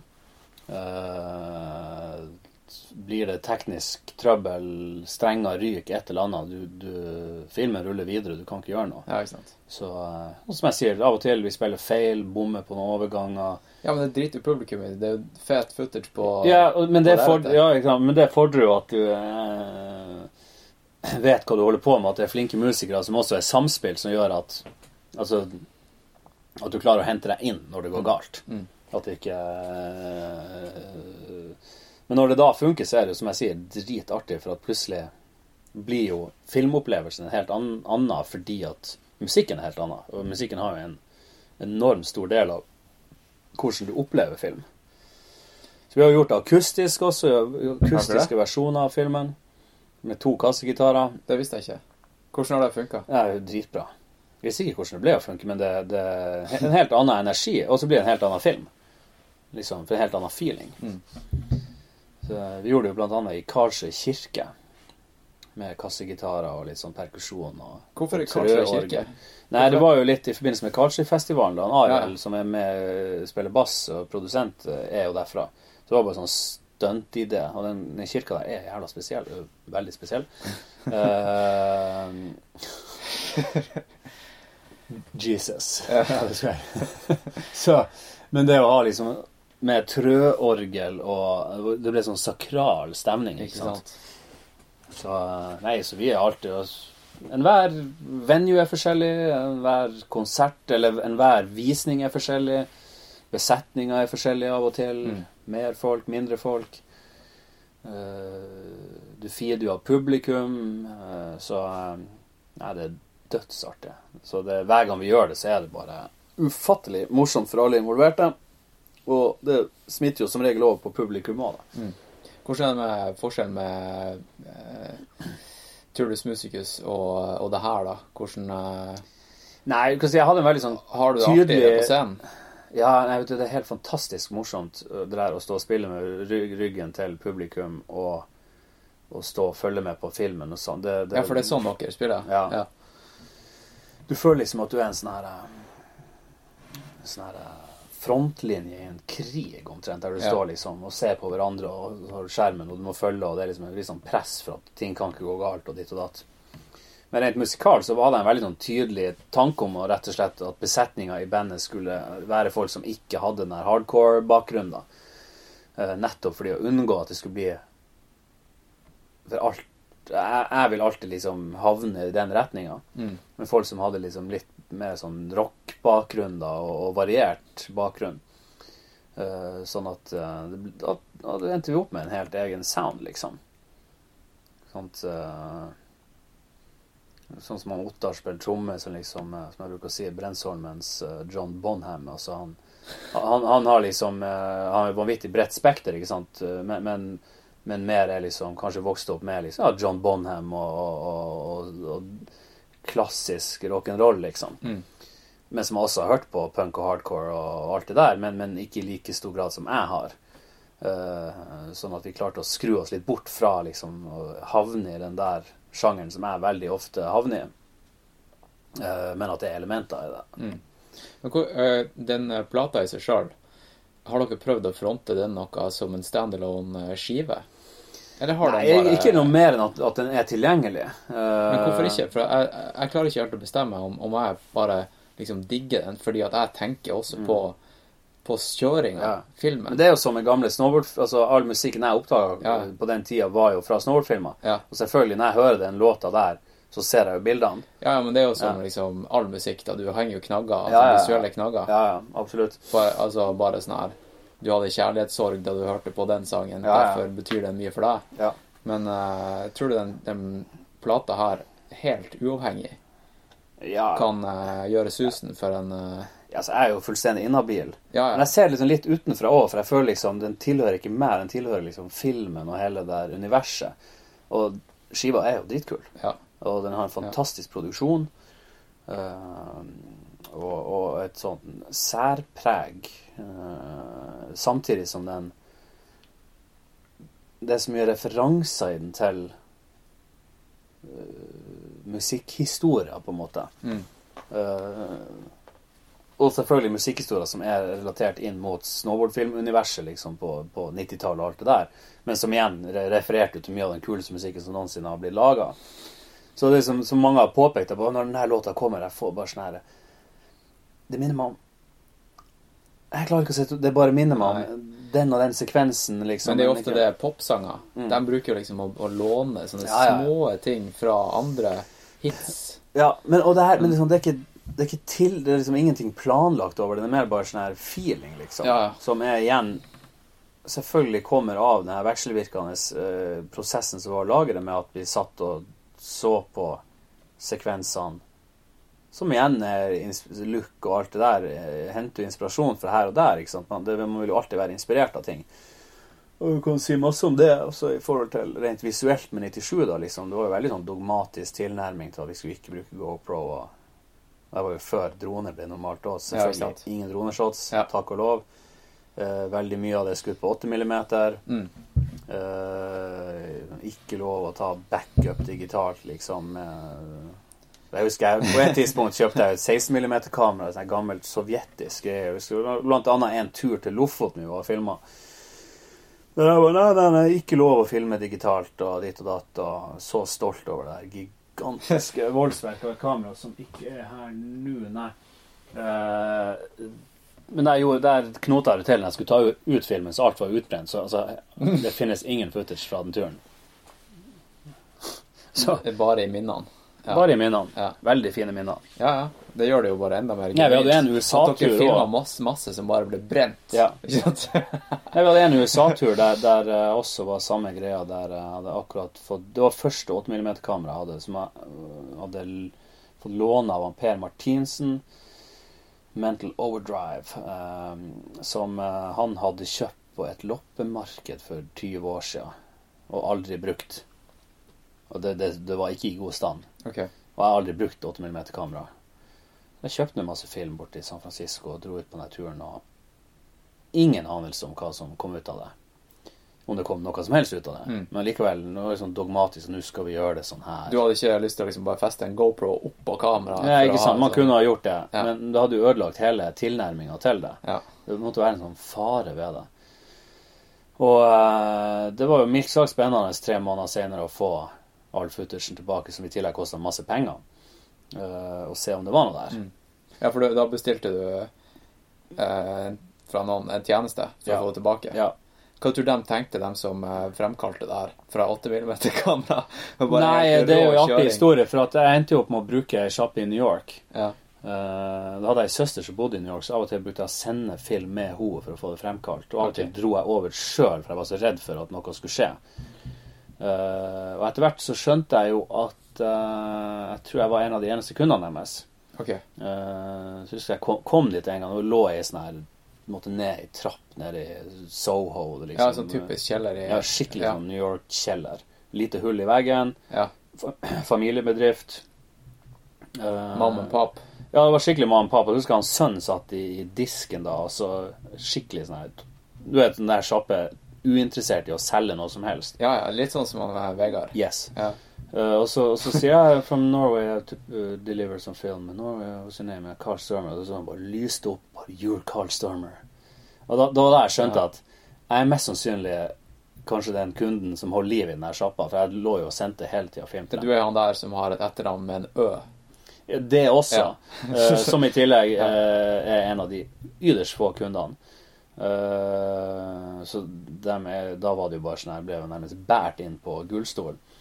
Men så husker jeg Det som også bekrefta det her at det ikke gikk så bra, det var jo at uh, inn mot slutten, rett før vi skulle ha premiere på 97, så hadde jeg den siste batchen med film som jeg hadde sendt hit. Tre måneder med footage. Og fikk aldri noe svar fra dem. Og tida gikk, og jeg bare helvete også. Så begynte jeg liksom å se Plutselig var nettsida deres borte. Mm. Jeg hadde jo da sendt den til en adresse i New York. Og så etter hvert, så, om jeg fikk noen til å gå og sjekke, liksom eh, Nei, butikken var borte, så OK, så jeg har basically bare sendt filmen en plass som ikke eksisterer. Shit. Jævlig nedtur. Og så klarte jeg på et eller annet vis å spore opp henne her, hun mor sjøl, da, eh, som jo kunne fortelle ei tåredryppende historie om at de var gått konk Ja. som naturlig var. Det er jo ingen andre enn meg og noen andre raringer som gjorde det, som fremkalte noe der. Eh, Men hun var jo, hadde jo rukket å bli såpass glad i meg at hun, hun tok liksom på seg å ordne opp i det her. da. Så det endte jo opp med at det hadde, det- hadde blitt sendt til den sjappa, og så hadde det endt opp på et eller annet sånn her lost and found-kontor i systemet i, i, i posten der. da. Mm. Så hun fant dem, da. Og da visste jeg at hun hadde noen venner som drev med det opp i, ut, en time utenfor Boston. Så jeg bare sånn Jeg, jeg har premiere om to uker, liksom. Uh, trenger virkelig en footagen her. Og da fikk jeg henne til å Og da sendte hun det opp dit, og så fremkalte de det. Og så var det snakk om å få det tilbake hit og få det digitalisert og, og, og lasta opp. Så husker jeg at de kunne ikke gjøre det.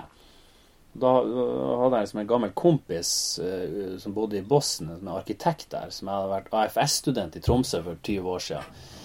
Så jeg husker jeg ringte han, han, han kjører motorsykkel da. Og han heiv seg på motorsykkelen, kjørte en time, henta filmene, kjørte hjem, lasta opp alt. Og så fikk vi det liksom akkurat i tide til å få det inn i filmen. Så min gode venn Joe, som for øvrig fløy fra Boston for å få, få med seg bergenspremieren eh, når vi hadde den i høst. ja. Shout-out til Joe. Shout-out til han.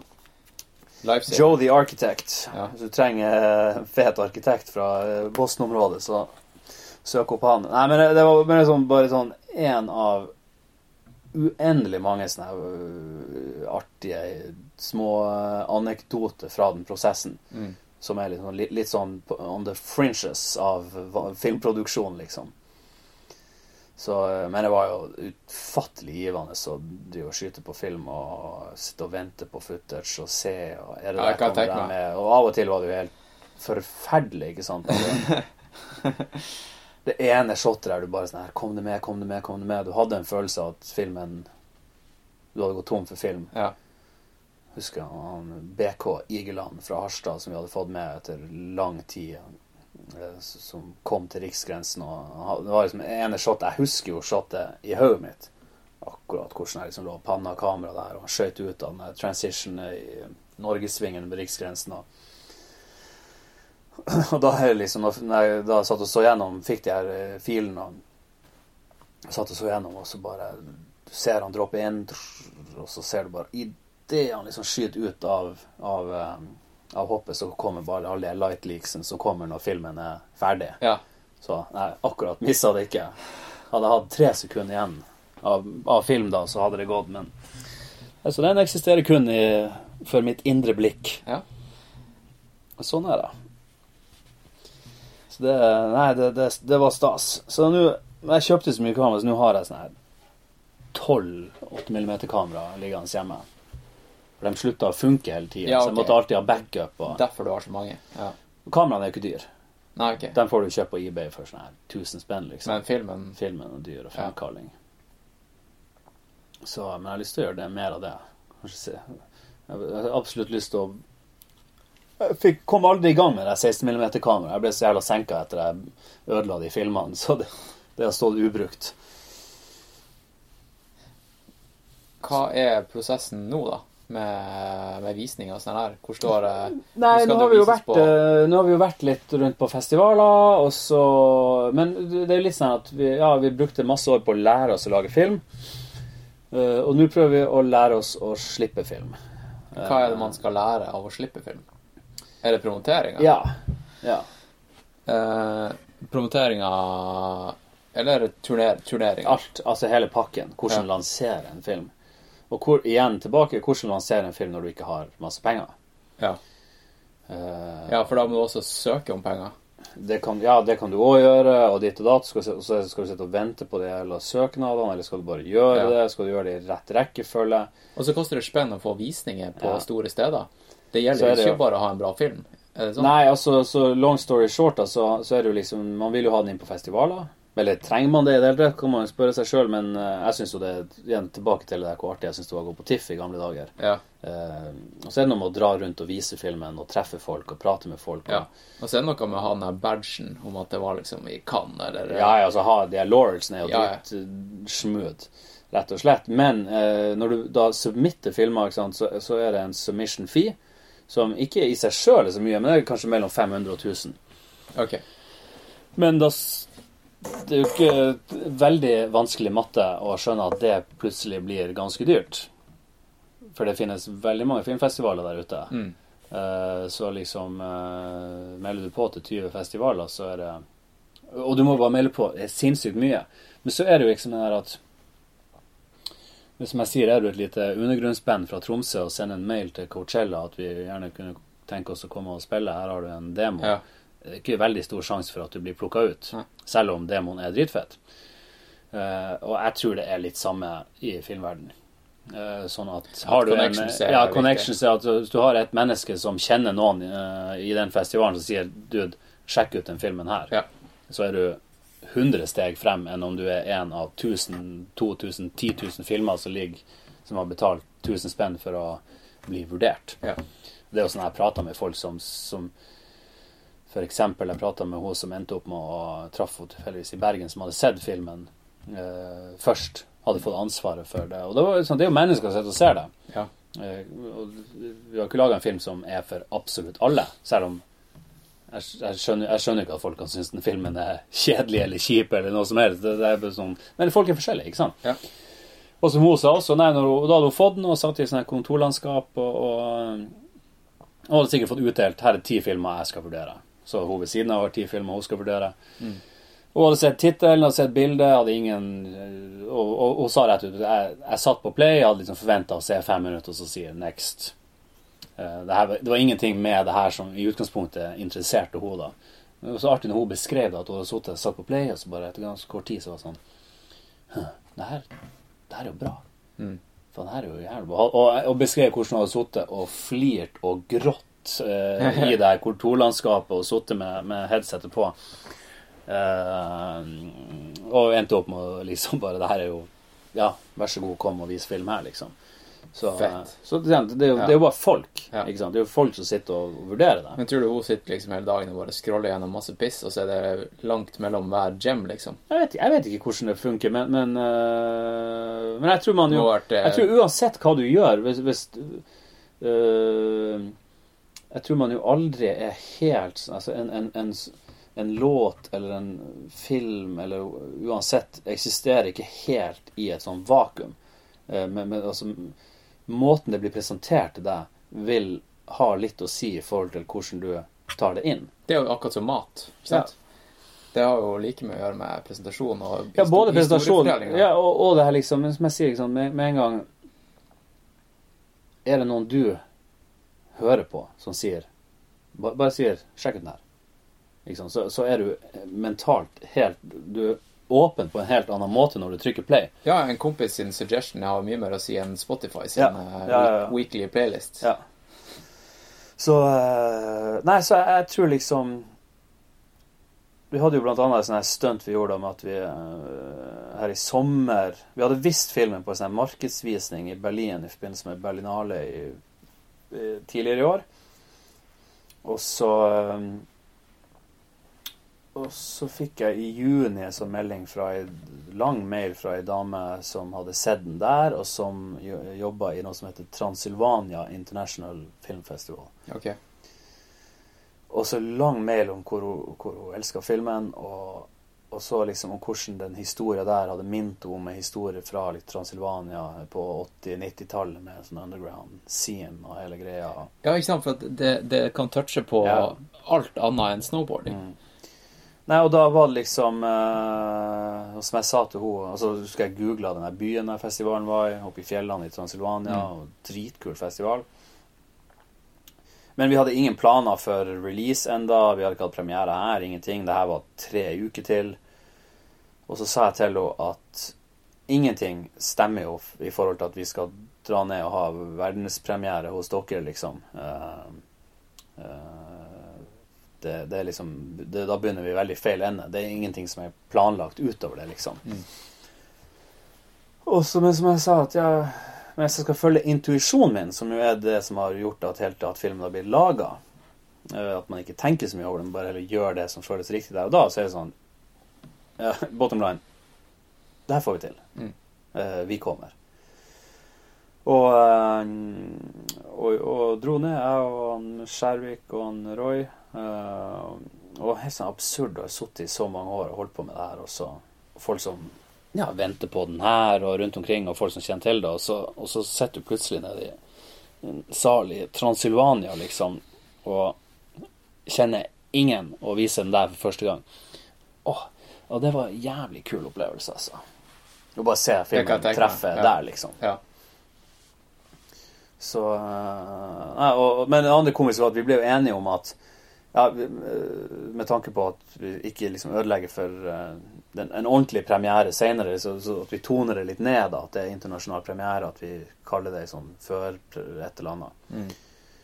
Så jeg kom, landa i Bucuresti, ble plukka opp i en sånn stilig Mercedes. Tre timers kjøretur opp dit. Skikkelig smooth opplegg. Rulla inn i den her byen, som for øvrig var helt fantastisk vakker. Og det første jeg ser, er jo bare sånne svære posters. Premiere internasjonale. There's always next season. Bilder av Stian og Roy. Som, og det hang bare i hele byen. Ja. Tenkte, ja, ja. Det det funker. Ja. Det funker. Det dro folk, da. Ja, ja, ja. Det var fullt hus, og det var uh, helt sånn absurd opplevelse. Kan, tror du du kan bli lei av å reise rundt og vise filmen fram? For det, du må jo se filmen. Ja. Er Ja, De bruker bare- ofte å si liksom do you want to stay in film? Jeg bare selvfølgelig. Det er jo ikke så ofte jeg får se den på stort lerret og alt det der. Og se publikum. Ja, og se publikum og, og Så til nå har jeg ikke skippa en eneste visning, liksom. Det er bare stas. Men det kommer sikkert et forhåpentligvis til et punkt der jeg kanskje Eller jeg vet da faen. Det, det er noe med å Jeg tror det er sånn når du Jeg har primært holdt på med musikk, og det føles veldig rart å bare skulle sende noe fra seg, og så skal de Jeg, liksom, jeg har lyst til å være der. Det er litt som å selge skive, da. Egentlig. Ja, det er jo for så vidt Du vet jo aldri hvordan det blir hvordan Hvilken kontekst det blir spilt i. Nei, sant nok. Og, og, og, og liksom, det er noe med det der å være der og prate med folk og få reaksjoner. Og så er det skummelt også å sitte, og spesielt på filmfestivaler der, liksom. Jeg vet jo sjøl når du er på filmfestival, det er sånn her Veldig lett å bare gå hvis du ikke liker filmen. Ja, ok. Eh, du har tre til filmer du skal se i dag, Ja. eller gå og ta deg en kaffe, liksom. Ja. Og det er sykt nedtur hvis du sitter i salen og ser noen reise seg og går, altså. Mm. Du, Dæven, man tar det personlig, altså. Det rekker å se an det mennesket. Hvem er du, liksom? Hva, Ja. Hvor kommer du fra? Hva, hva, hvorfor likte ikke du det Ja, der? Og who knows, kanskje Kanskje han måtte hadde på en måte pisse, eller ja, ikke sant. Altså, Ja. du, du, du vet jo ingenting, men du blir så sinnssykt sånn perceptive til reaksjonene til folk. Sitter du fremst, da? Eller sitter du bakerst? Nei, jeg, av og til, jeg bruker å sitte fremst når jeg er mest nervøs, nettopp fordi at jeg slipper å se det som skjer bak meg. Mm. Ja, Jeg satt bakerst én gang, og det, det var egentlig ganske jævlig, for da ble jeg veldig sånn Da har du full oversikt også. Ja. Men også når du sitter frem, så husker jeg når vi Jeg husker hvor det var, men altså det der jeg satt og det er sånn her, Jeg torde ikke å snu meg i løpet av filmen. Og når filmen var ferdig, så var det sånn her Tenk om jeg nå snur meg, og så er det tomt. At alle har gått. Ja. Altså, you never know. Nei, nei. Ikke sant? Men Det det er klart, Du sånn- merker jo om folk flirer, og du merker om folk reagerer og sånn. og Det er um, artig å se hvordan noen, altså, hvordan folk kanskje reagerer litt forskjellig fra uh, land til land. uh, På, der syns de det var veldig artig. Det er mange punkter i filmen der er sånn som jeg ikke syns var så himla artig. Sånn morsomme punkt. Som var litt morsomt, som folk syns er kjempemorsomt. Og Ja, fordi forskjellige steder i verden så har de forskjellig type humor. Tyskere, eksempel. ja, ja, De har jo elendig humor. ja. Har du vist det noe i Tyskland? da? Ikke, jeg har ikke vært i Tyskland ennå. Hva tror du de ville ledd av i filmen? Det, Det, er ikke- det er ikke godt å si, altså. Det Jeg, jeg har innsett at jeg eh, slapstick du ikke visste var der. Ja, ja, ikke sant. Altså, Det er jo sånn For eksempel den ene Det som har fungert på alle plassene jeg har blitt vist, er, er den her eh, Når du har den lille introduksjonen av Roy. Eh, sånn fra barndommen, når han Vegard beskriver hvordan han Første gang han møtte han Roy, Ja. så sier han Første gang jeg møtte han Roy, så var han en liten feit kid. Ja. Og så er det et bilde av han Roy der han, der, der, på skateboarden. Han er sånn ni år gammel. Han er, det er liksom gode runder. Ja. Og jeg, for meg så var det sånn Jeg syns bare det var, det var liksom litt morsomt. Men det der slår altså det alt, Da hører du bare det der eh, latterbrølet i salen. Altså, Ja. som er, det, er bare, det er bare det er noe sånn absurd når den profetiske skikkelsen sier de, de ordene. Og så er det et eller annet igjen film. Mus, du har liksom alt med musikken, det som blir sagt, bildene, og når alt sånn her bare drr, konvergerer og fungerer, så er det så jævlig sterkt, da. Mm. Nå i etterkant, er det noe du eh, kunne tenke deg å klippe annerledes? Har, har du forresten sjanse til å gjøre endringer nå? Ja, jeg har jo det, men da ville du, du, du Det kan man jo selvfølgelig gjøre, men det, da det krever jo eh, Da må jo alle involveres. Lyd, Ja, ja. grade, klipp. Det er en sånn jævla mas. Så må du lage nye DCP-er, sånne kinokopier, det koster penger og Mm. Ja, eller eh, ikke noen sånne store deler, men det, det, det er mer sånne hangups jeg har. At jeg, ok, jeg ser at ah, akkurat der burde det bildet ha hengt to sekunder lenger, eller Ja, ja, men det, det ser jo bare du. Ja. Ja. Jeg syns den flyter. Den flyter ganske greit av gårde i Ja. to timer, liksom. Den, er ganske, den, har, den er gjennomarbeida.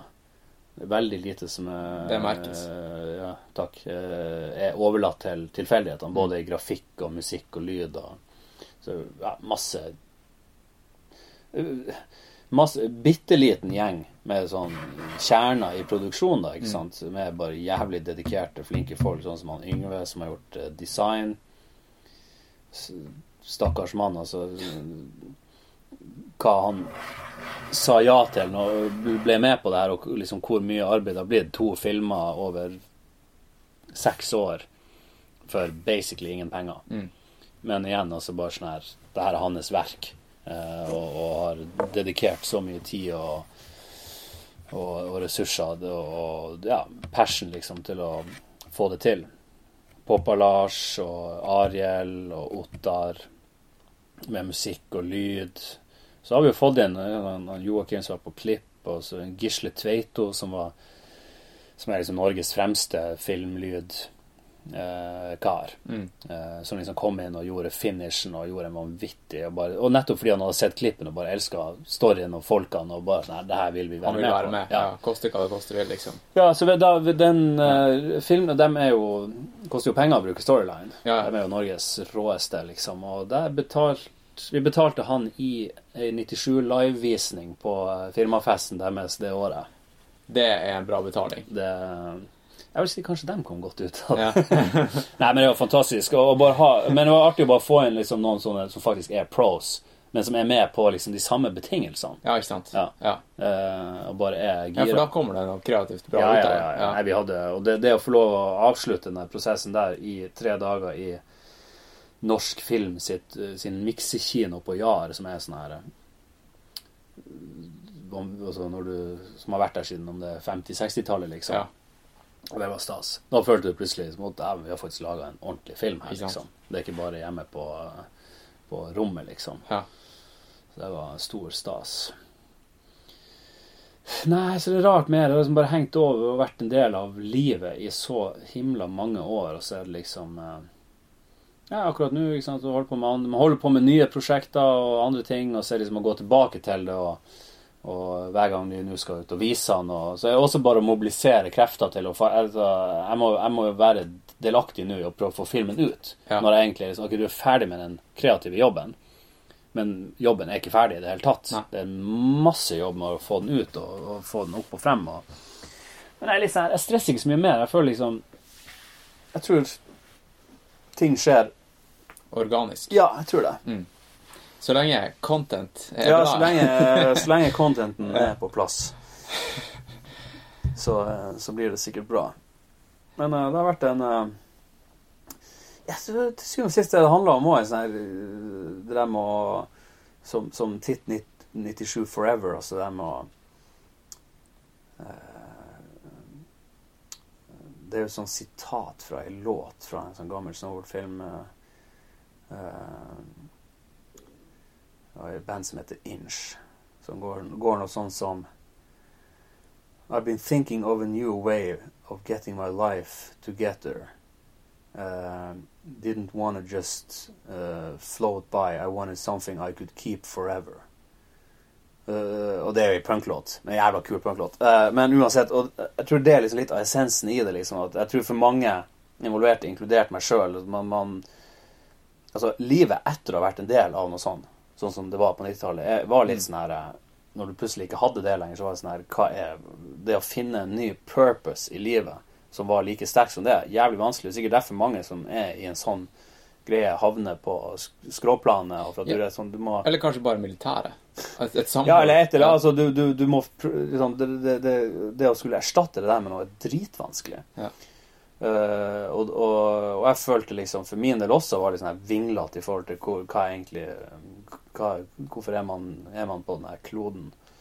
Og kanskje for flere av de involverte også. Så det, det å komme sammen igjen og, og sammen skulle prøve å ikke bare gjenskape noe, men skape noe. Eh, for ettertiden et dokument over eh, det vi var, og, og det, den kulturen, og noe liksom som man kan Ja, som står seg i tid, liksom. Og som Mm. og, eh, Som er for, for evigheter. Og sånn føler jeg både med Snowboard-filmen og dokumentaren. at derfor, Kanskje derfor også jeg liksom burde sikkert ha stressa litt mer med det og pushe det ut. og sånn, at, at faen, det der Den der har vi for alltid og evig, liksom. Og jeg, jeg tror ikke verdien blir å tape seg nå. Da har vi hatt en liten uh, pissepause. Det er viktig. Ja. Hva ehm, Ja, jeg tenkte litt Nå vi snakka mye om eh, soundtracket. Kunne lytteren fått hørt litt av det i podkasten? Eh, Ja, at du spiller det Skal jeg spille det av nå, eller skal du spille det av uh... OK, jeg skjønner. Ja. ja. Hvordan, hvordan sang da føler du er, som representabelt? Det er vel vanskelig å plukke ut en singel? jeg må se. Skal vi se. Nå er det jo lenge siden jeg har uh, så, er Lenge siden jeg faktisk har hørt på. Ja, da går det inn på Spotify. Rett og slett. Jeg tror Ja. faktisk ikke jeg har den på denne maskinen. Den må...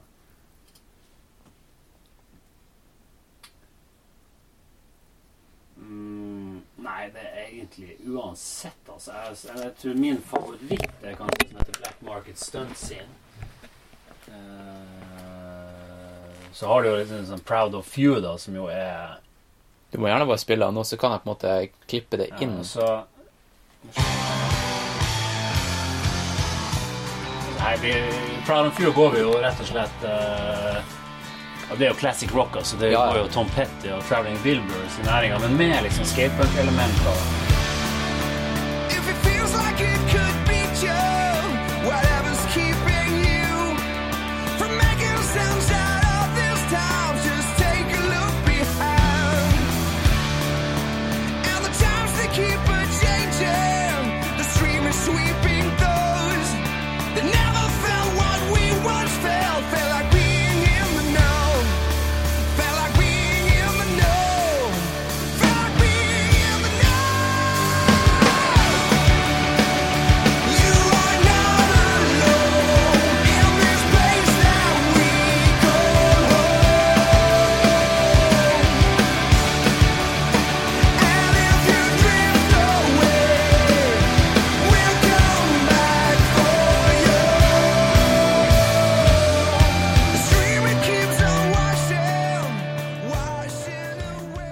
Under Bad Moon med Tor Thomassen på vokal er jo jævlig kul. altså. Ja, den er bra. Blås og hele greia. Uh... Hva er det som gir best uh, schwung på, på live-performancer? Hva er det liksom som uh, virkelig får uh, publikum til å få ståpels? Kombinert med footage, da. Ja, jeg tror, hva- jeg, hva jeg, jeg tror liksom stikkordet er vel liksom dynamikk, da. ikke sant? Og når alt treffer, og du har liksom oppbygning, og, du, og det smeller, liksom. Ja. Altså for eksempel refrenget på Born Under Bad Moon, og liksom blåse, blåsegreia kommer inn, og det, det, det funker jo.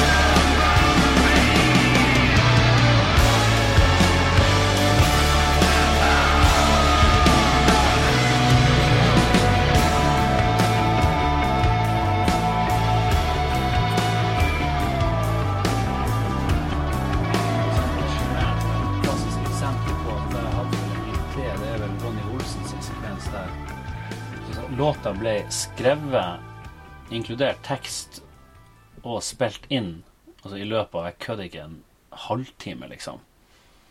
I studio. Uh, som Det er jo en jævla sånn fet bassgang på Ja, ja, introen her. ja. Så er det jo uh, litt sånn jungle vibes.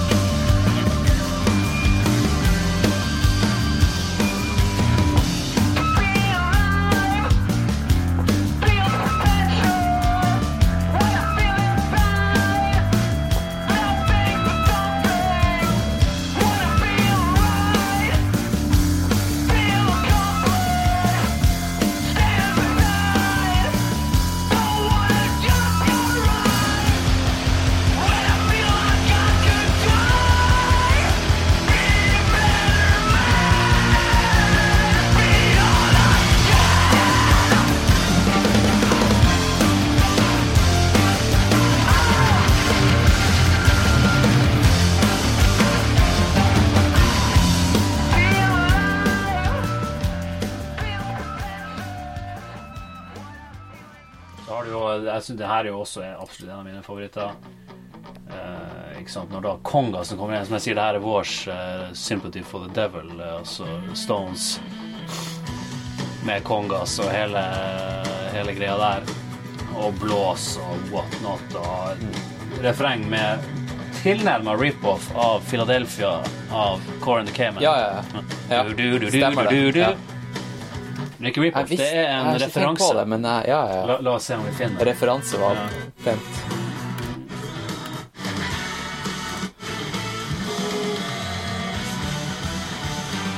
Du. Det er jo pretty much samme med det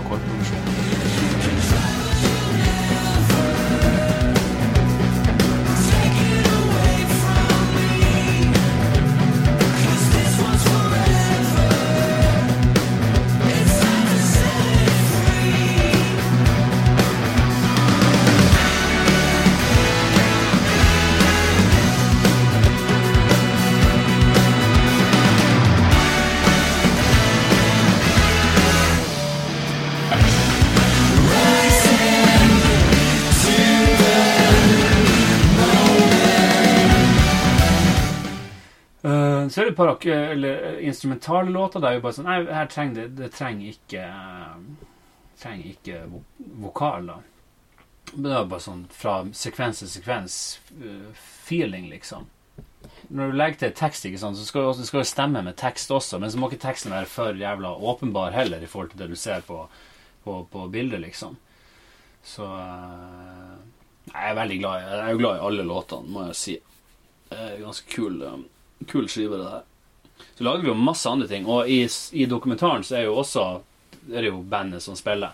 Eh, Og der er det jo en del låter Ja, der er det jo Fra bare den skiva her. Nei, ingen, faktisk ingen fra den skiva. Ja, du hører så vidt 'Born Under Bad Moon' når man ser noe fra Snowball-filmen på slutten. Ellers er jo alt eh, liksom eh, laga til filmen. Så det er, tilsvarer jo egentlig ei hel skive i tillegg, da. Ja. Som vi skal også gi ut som en sånn side B da, til det her. da. ja, for det her er side A. Ja, vi kalte det jo det. Eh, Tanken var jo etter hvert nå å gi ut et dobbeltalbum med der ene altså Side A er 97-soundtrack, og, og side B er There's Always a Season-soundtracket. Rett og slett. Ja. Og så er det all filmmusikken som jeg i tillegg endte opp med å gjøre sjøl også. Den er jo som regel spilt inn hjemme på, på stuebordet, liksom. Det- Og nå snakker du om dokumentaren. Dokumentaren, ja. Mm. Så alt der var også eh, handcrafted. Ja, det, det er ikke et sekund i filmen som er ekstern musikk. Selv når du hører på at radioen står på i bakgrunnen, så har vi jo Ja. fjerna radiolyden og, og, og lagt inn egen musikk i, i radiolyden. da. Så det, det er ikke et eneste sekund der med andre sin musikk. Så den filmen her, den er så ekte som du får det. Det er, Ja, det, er det, er så hjemme, det er så hjemmelaga så du får det. Altså. Ja. Det, det er det, tok vi en del stolthet i at det skulle være handcrafted, Mm. rett og slett. Og det er, det er mye musikk i dokumentaren. Det er veldig Og det er jo, det er jo også en sånn utfordring også når man klipper. Altså, man merker det også når man Igjen, du må se ting i sammenheng. Altså, når man satt og så på klippa, så var det sånn Ok, nå nå må vi ha pause fra musikk. Nå må det være stille her. Nå, nå, du kan ikke mette folk med musikk heller. Og så er det også det at du kan ikke force følelser på folk. Nei. Som er jævlig interessant med det å klippe, som er sånne vanvittig sånne hårfine nyanser. Som jeg kan sitte og se. At hvis, hvis musikken blir fada inn ett sekund for tidlig, før det føles naturlig altså, Mm. liksom at du ja, du, at det, liksom, liksom, det føles litt sånn eh, eh, spekulativt at ok, nå skal du føle deg trist. Mm. Men hvis den kommer ett sekund senere, så, så er den bare med å forsterke det du allerede kjenner sjøl.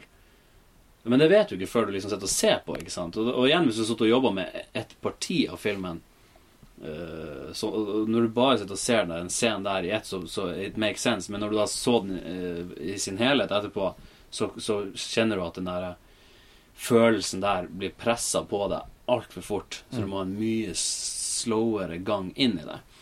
Det, det, det der syns jeg er dødsinteressant. Det er sånn, Det er. Hva er det som gjør at ett sekund fra eller til føles enten kjempenaturlig og bare understøtte de følelsene du allerede har, av det som skjer på skjermen, eller føles det liksom billig sånn her eh, TV Norge, mandagsfilmen på TV Norge, liksom.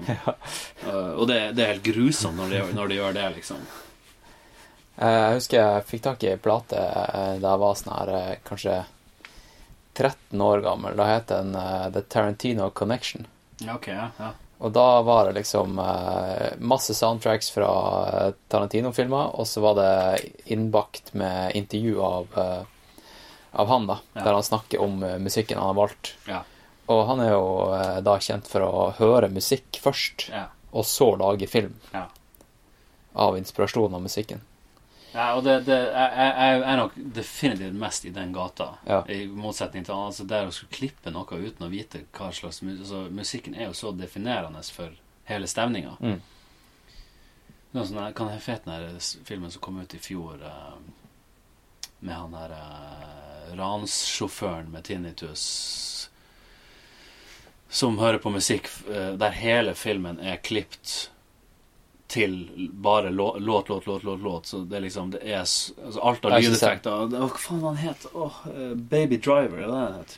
Okay. Det er en ganske kul film, da, men akkurat den ideen Når jeg så den, sånn Faen, det det der burde ha vært min idé. Det, det, det, det, er aldri blitt gjort før. Og nei, sånn er det jo ofte med Faen, det der Det der skulle helst ha vært min idé. Mm. Det var ikke det. Men, men også der sånn, hele filmen er bare sånn klipp til låt, låt, låt, låt, låt, låt. Og, og der han han som lagde den også. Jeg satte meg ned, lagde en playlist. Det her er filmen, liksom. Og så mm. bygger vi filmen rundt det. Og, og, litt samme greia her. Det kan jeg vise. Altså, vi hadde jo øh, Så jeg finner den, da. Mm, jeg skjønte veldig tidlig da jeg satt med gitaren uh,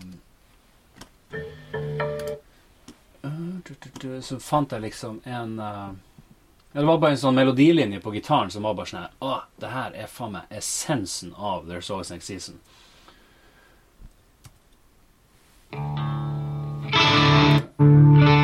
Det er jo den som nå er i introen av filmen. Og er i filmen i masse forskjellige versjoner. I jazzversjon, i rockeversjon. Hvem er det som spiller? Ja, Det her er jo 97. Ja. Altså bandet. Uh, så det her er jo akkurat den som er i introen av filmen. Den kommer ganske straks, den gitarlinja jeg snakker om. Det er bare sånn, det her er essens, det her er liksom feelingen. Det er det her filmen handler om. Og det er bare en bar med gitar, liksom. Ja. Det er feelingen. Jeg, da jeg hørte Den kommer nå.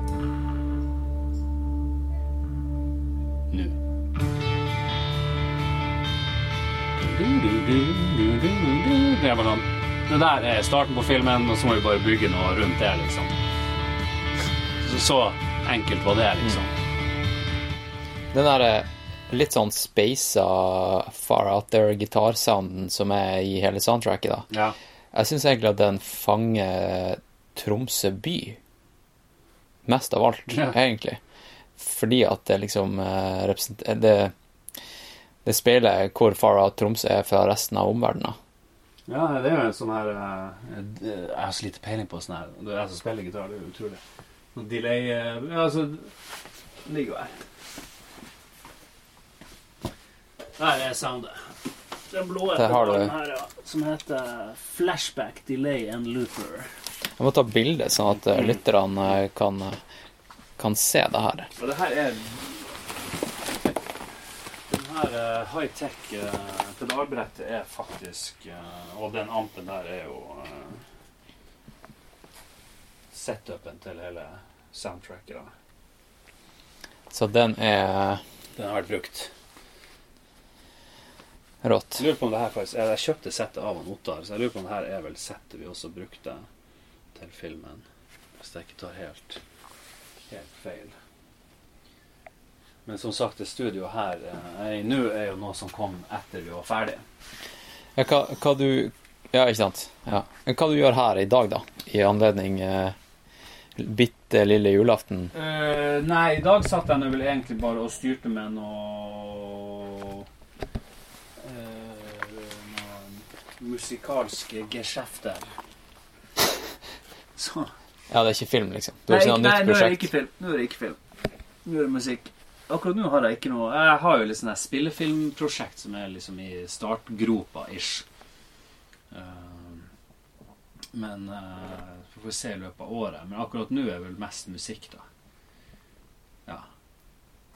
Som jeg sier, jeg, jeg, jobber mye med musikk, men jeg vet ikke om man kan definere det som jobb hvis man kun har utgifter.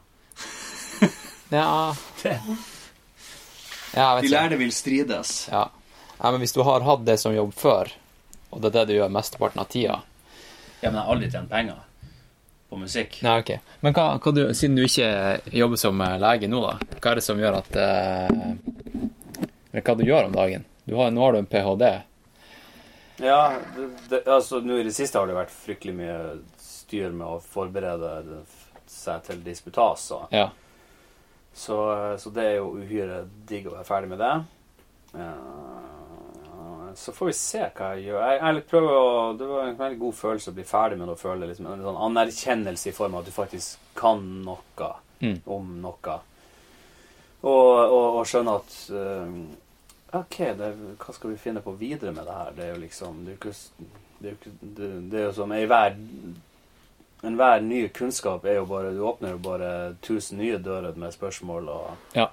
Sånn at man skal eh, slå seg videre inn på det, gjøre noe der, men samtidig er bottom line at det er helt uaktuelt for meg å skulle liksom gå inn i noe sånn 100% på det å ikke kunne gjøre film- og musikkting. Ja. Så man må bare prøve å finne Man har vel egentlig funnet en viss sånn balanse der, da. Der jeg jobber litt som lege, som uh, allmennpraktiker. Mm. Jeg har gjort forskning nå. Og ellers er det jo, går det jo i hundre med eh, musikkting og filmting og Men det, det er sånn her jeg, jeg tror liksom bare Det er derfor jeg bruker ikke si Jeg jeg anser meg sjøl liksom Hvis man er 100, 100 filmskaper, så er det jo hele tida nye prosjekter og alt det der, og du leter etter nye prosjekter. Men jeg litt sånn at jeg føler at det prosjektet må nesten komme Ideen må komme til meg. Mm. Det er ikke mer sånn at jeg må lage en film, men er mer du må lage filmen fordi at ideen kom. Ja. Ikke sant? At Ja. det er en eller annen story der som du har lyst til å, å brenne for, og bare sånn Det her må vi gjøre, liksom. Eller, eller ideen kan lede til at det skal bli noe annet. Det skal bli ei skive, det skal bli ei bok, eller whatever, liksom. Tror du ville gjort det, ville du gjort det på nytt igjen, hvis du visste hva det innebar? Ja. Ja. Men samtidig du, Liksom, ja, skal bare sign up for ti år med 300% jo, ubetalt jobb? Når du legger det frem sånn, ja, kanskje du må Ja, selvfølgelig, hvis, hvis ideen var det den var og, og, ble, så absolutt. Mm. Men du håper jo kanskje at det skal gå mindre enn ti år, da. Men jeg har skjønt etter hvert at sånn her Ting må modnes, marineres, det, må jobbes med. Det må, det må, man, må ut, man, er jo ikke, man er jo en annen person når man kommer ut av det, enn når man gikk inn i det. Ja. Og hele den øh, sin egen ferd gjennom det er jo med å selvfølgelig å farge produktet, da. Mm. Men det som jeg sier av og til når jeg har presentert filmen, at det her det er jo ikke et prosjekt for meg. Det er jo ikke et prosjekt, det er jo, det, det er jo hele livet, liksom. Det, du, går inn, du må gå inn i det med, med hud og hår. Og, og Hud og hår og vike. Så, så, så og, og så er det sånn her Fuck, liksom, ti år, og liksom, du har nå x antall tilmålte år på kloden, liksom. og men jeg, man må liksom prøve å ikke la seg stresse opp av det, liksom. Mm. At Erkjenne at tida er en, en, en uh, har en verdi i seg sjøl. Det at tida går, har en verdi i seg sjøl, liksom. Ikke stresse ting. Selv om man hele tida ønsker å gjøre ting raskt og få det ut og lene seg tilbake og telle likes og føle anerkjennelsen for det du gjør i form av det Ja. så eh, tror jeg ikke det er så veldig sånn bærekraftig. Det er en usunn tilnærming til det når du skal holde på å lage noe. Det forkludrer den der genuine eh, intensjonen med å gjøre noe av den der og hele tida skulle være på jakt etter den umiddelbare anerkjennelsen, liksom. Har du noen tips til eh, innholds, uh, innholdsskapere? eh, Kreative Nei, skapere? Nei, logg av Facebook og, Ja. og, og prøv å Prøv å Jeg tenker altså et, Uansett hva man holder på med Jeg synes al- Det skinner så jævla igjennom når, når, når ting, folk har laga noe som er liksom ektefølt, da, på et eller annet vis. Mm. Og, at det er da det liksom treffer meg. Da kan jo hva som helst treffe meg. Uavhengig av form, sjanger. Så lenge content Ja. eh, liksom, Content is king. Jeg tror jeg var på et kurs en gang som eh, Nei, jeg har holdt et foredrag på en gang på noe sånt som hadde det som tittel. Du holdt foredrag som hadde, som hadde content Nei, nei, hadde, nei, det var ikke mitt foredrag, men jeg tror det var liksom Det var under TIFF, faktisk. Et sånn her eh, Sånn her eh, eh, Content is king. Altså, selvfølgelig er det det. Ja, ja. Altså, what else is there, liksom? Ja. Alt annet er jo bare fasade. Ja, men det var det jeg lærte i, i webutvikling og design. da. Altså. Drit i designet. Så lenge innholdet er på plass, Mm, mm. så eh, er det nesten irrelevant hvordan det er presentert. Men der vil sikkert de lærde strides. Altså, for det, samtidig er det jo når, når, når du tenker på hva massene bryr seg om, så er jo content irrelevant. Ja, for innsalget. Ja, men altså, hvis du tenker på liksom eh, Altså, alt, alt, som er liksom laga for å ha en sånn viral spredning og alt det der, så er det jo egentlig innholdet. Har jo, det er jo liksom mer presentasjon og, og, og de her catchy Ja. Men, men tror, tror du kanskje at, at det blir en endring, da? At folk er, folk er lei av at alt skal være så jævla catchy på to sekunder? jeg, jeg Folk tror- vil ha det som tar lang tid og Ja, med sakte-TV og husker du sjøl når Hurtigrutesendinga gikk. Jeg Ja. tok meg sjøl i å Etter jeg kom hjem fra jobb, satte meg ned og så på det. Ja. Det var utrolig det var en sånn meditativ uh, greie. Ja, jeg tror alt eh, Jeg skrev i sin tid en X-Fill-oppgave min skrev om uh, rockens utvikling sett i um, lys av Hegels dialektiske triade. Eh, som jo handler om så hvordan ting utvikler seg fra Du har en uh, tese, og så får du en motsats til det, som er antitesen, og så kommer det en syntese ut av det. Og jeg tenker, det er jo sånn Jeg, jeg, jeg tror han, han var en smart fyr, han her Hegel. Han var inne på noe der. Sånn at uh, det, det at hele tida liksom Det, det vil hele tida komme liksom motkrefter til det som er normen, da. Og så kommer det noe nytt ut av det. Eh, som er en slags syntese, da. nødvendigvis, eller ikke nødvendigvis. Men, men at eh, Ja, i, i, i relasjon til det du sier, så er det jo da Ja, med sånn som ting er nå, så ja, så kommer det liksom eh, Så kommer det et metningspunkt, og så vil noen ønske å utfordre det der eh, Den normen der, liksom, med at ja, eksempel folk vil se ting som tar lang tid, og, og, eh, og ikke liksom få den der umiddelbare eh, tilfredsstillelsen, liksom. Jeg tror det, bare for å bli litt relevant i forhold til eh, mine lyttere, da, så er ultraløping og å springe dritlangt Mm. kanskje over flere døgn i strekk, ikke sant? Jeg Tror nok det har litt med det å gjøre. Ja, Det er ja. ikke den her eh, femkilometeren på bane som appellerer. Mm. Det er hele den reisen gjennom fjellet, Mm. absolutt der du er logga av og Ja.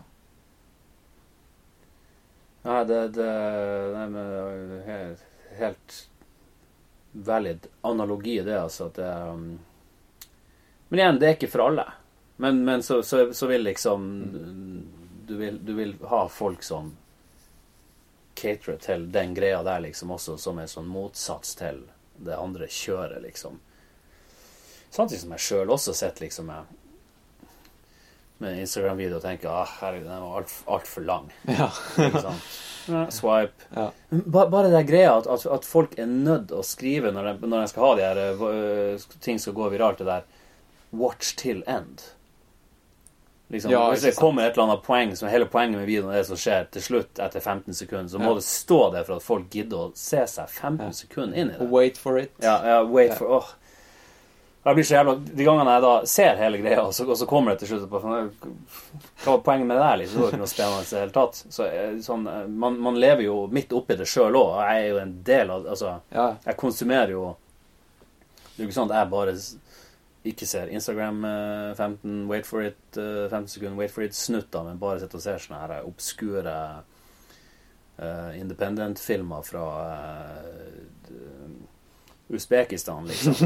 uh, Ja, men nei, det- det er veldig sjelden altså, jeg, Der jeg tar meg tid til to timer til å, til å, til å se noe. Men det er liksom Det er noe tempo, det er, men uh, Så Ja. Ikke alt, det er ikke alltid man practice what one preaches. Nei. Er sant, det? Men, men, eh, men man kan likevel ha mening om det, og spesielt i forhold til tingene man sjøl holder på med å lage og sånn. Mm. Så nei, det et Men det er, sånn ukomisk altså. Det er jo ikke noe jeg, jeg tror jo altså alle de problemene Det er jo samme som med, liksom, med, med tanker man har om ungdommen og hva sånn. Det, det er jo sånn her konstant greie. Sammen med tid og det er stress eh, og alt det der. Jeg husker jo liksom det kom bøker på tidlig 2000-tallet som basically sa akkurat det samme, liksom. Uh, og det er jo samme at foreldrene klager på liksom at kidsen sitter med iPad nå, liksom. Men vi satt med Super Nintendo. Ikke sant? Ikke sant? Det, det, det er en sånn Det er det samme, bare en annen Ja. forpakning. Ja. Mm. Så, eh, så det er det samme som Ja. Snowboard var jo Ja, Grinebiterne for 20 år siden satt og klagde over at ting var bedre for 10 år siden. Nå er jeg en av dem. Ja. Ikke sant? Ja. Og det som jeg bruker å si når jeg er på festival og sånn, hva, hva vil dere si til kidsen med det her? Og, og så, så egentlig er det jo Jeg syns jo egentlig ikke at kidsen skal høre så veldig mye på det jeg sier. Ikke at jeg er eldgammel, ja. Men, men, men, men eh, jeg husker nå sjøl da jeg var 14, så var en person som var 36, var godt voksen. Ja. Uh, sånn at uh, det er ikke opp til meg og min generasjon å, å definere utviklinga videre, liksom. Hva tror du er det nye skateboard og snowboard for kidsa nå? Er Det er iallfall ikke sånn jævla eh, hoverboard? Nei, ja, eller sånn jævla eh, Hva det heter det? de kjører på i skateparkene. Å ja, sparkesykkel? Sparkesykkel, Ja, ja. ja. Det der skjønner jeg ikke. Men igjen, who, who am I to say? Nei, nei. Uh, nei, sparkesykkel er helt teit. Uh, nei, I, don't know. Jeg vet ikke. Nei, jeg ser ingen okay. tendenser. jeg tror at Kanskje er sånn gamemiljø eller et eller annet noe sånn her underground ikke jeg dronekjøring. Ja, ting ikke jeg har hørt om, forhåpentligvis. da Mm. Som bare er liksom, er liksom vake under overflata. Så jeg tror eh, Det er liksom Det er kanskje mer det, det øyeblikket jeg vet om det, så har det kommet opp til, til et sånn her eh, Da har det liksom blitt akseptert og, og, og eh, inkludert i mainstream-kulturen nok, så lenge ikke jeg aktivt leter etter det, Mm. eh, til at det kanskje blir litt uinteressant. så de virkelig kule tingene, de skjer uten at jeg får det med meg. Det er et godt poeng, da. Ja. Ja. Ja. Men, eh, men samtidig I andre enden av skalaen så ja, Tilnærming til akkurat det, sånne type store spørsmål, så er det jo Det å kunne sitte og prate med en 80-åring kan jo også gi et helt annet Altså, det, et levd liv øh, har samtidig en utrolig verdi. Så, eh, så det, det works both ways, liksom. Mm. Og folk som har opplevd ting som ikke du har opplevd, nettopp fordi at man levde og eksisterte i en annen tid. Eh, der igjen de yngre som ikke kan relatere til det, eh, absolutt har godt av å få uh, sannhetsvitne testimonials liksom fra folk som var der. De hører jo ikke på det, da. De er jo kids. Nei, det, De- du, det som eh, Er det et problem? Jeg vet ikke. Men, men, eh, men altså, du tenker på liksom Hvis du tenker langt utover snowboard og skateboard og eh, terrengløp og alt, ikke sant, med tida vi lever i nå, og, og politiske strømninger, og, Mm. og hvordan ting har endra seg, og sånt Som jeg bruker å si at uh, Når jeg Altså, for ti år sia var det liksom, igjen Når man tenker på andre verdenskrig og, og nazisme og alt det der, så var det bare sånn altså, totalt sånn uforståelig at noe sånt kunne vokse frem. I dag er det veldig forståelig. Ikke sant? Eh, og det har skjedd på så kort tid, ikke sant. Og, og igjen det der med at folk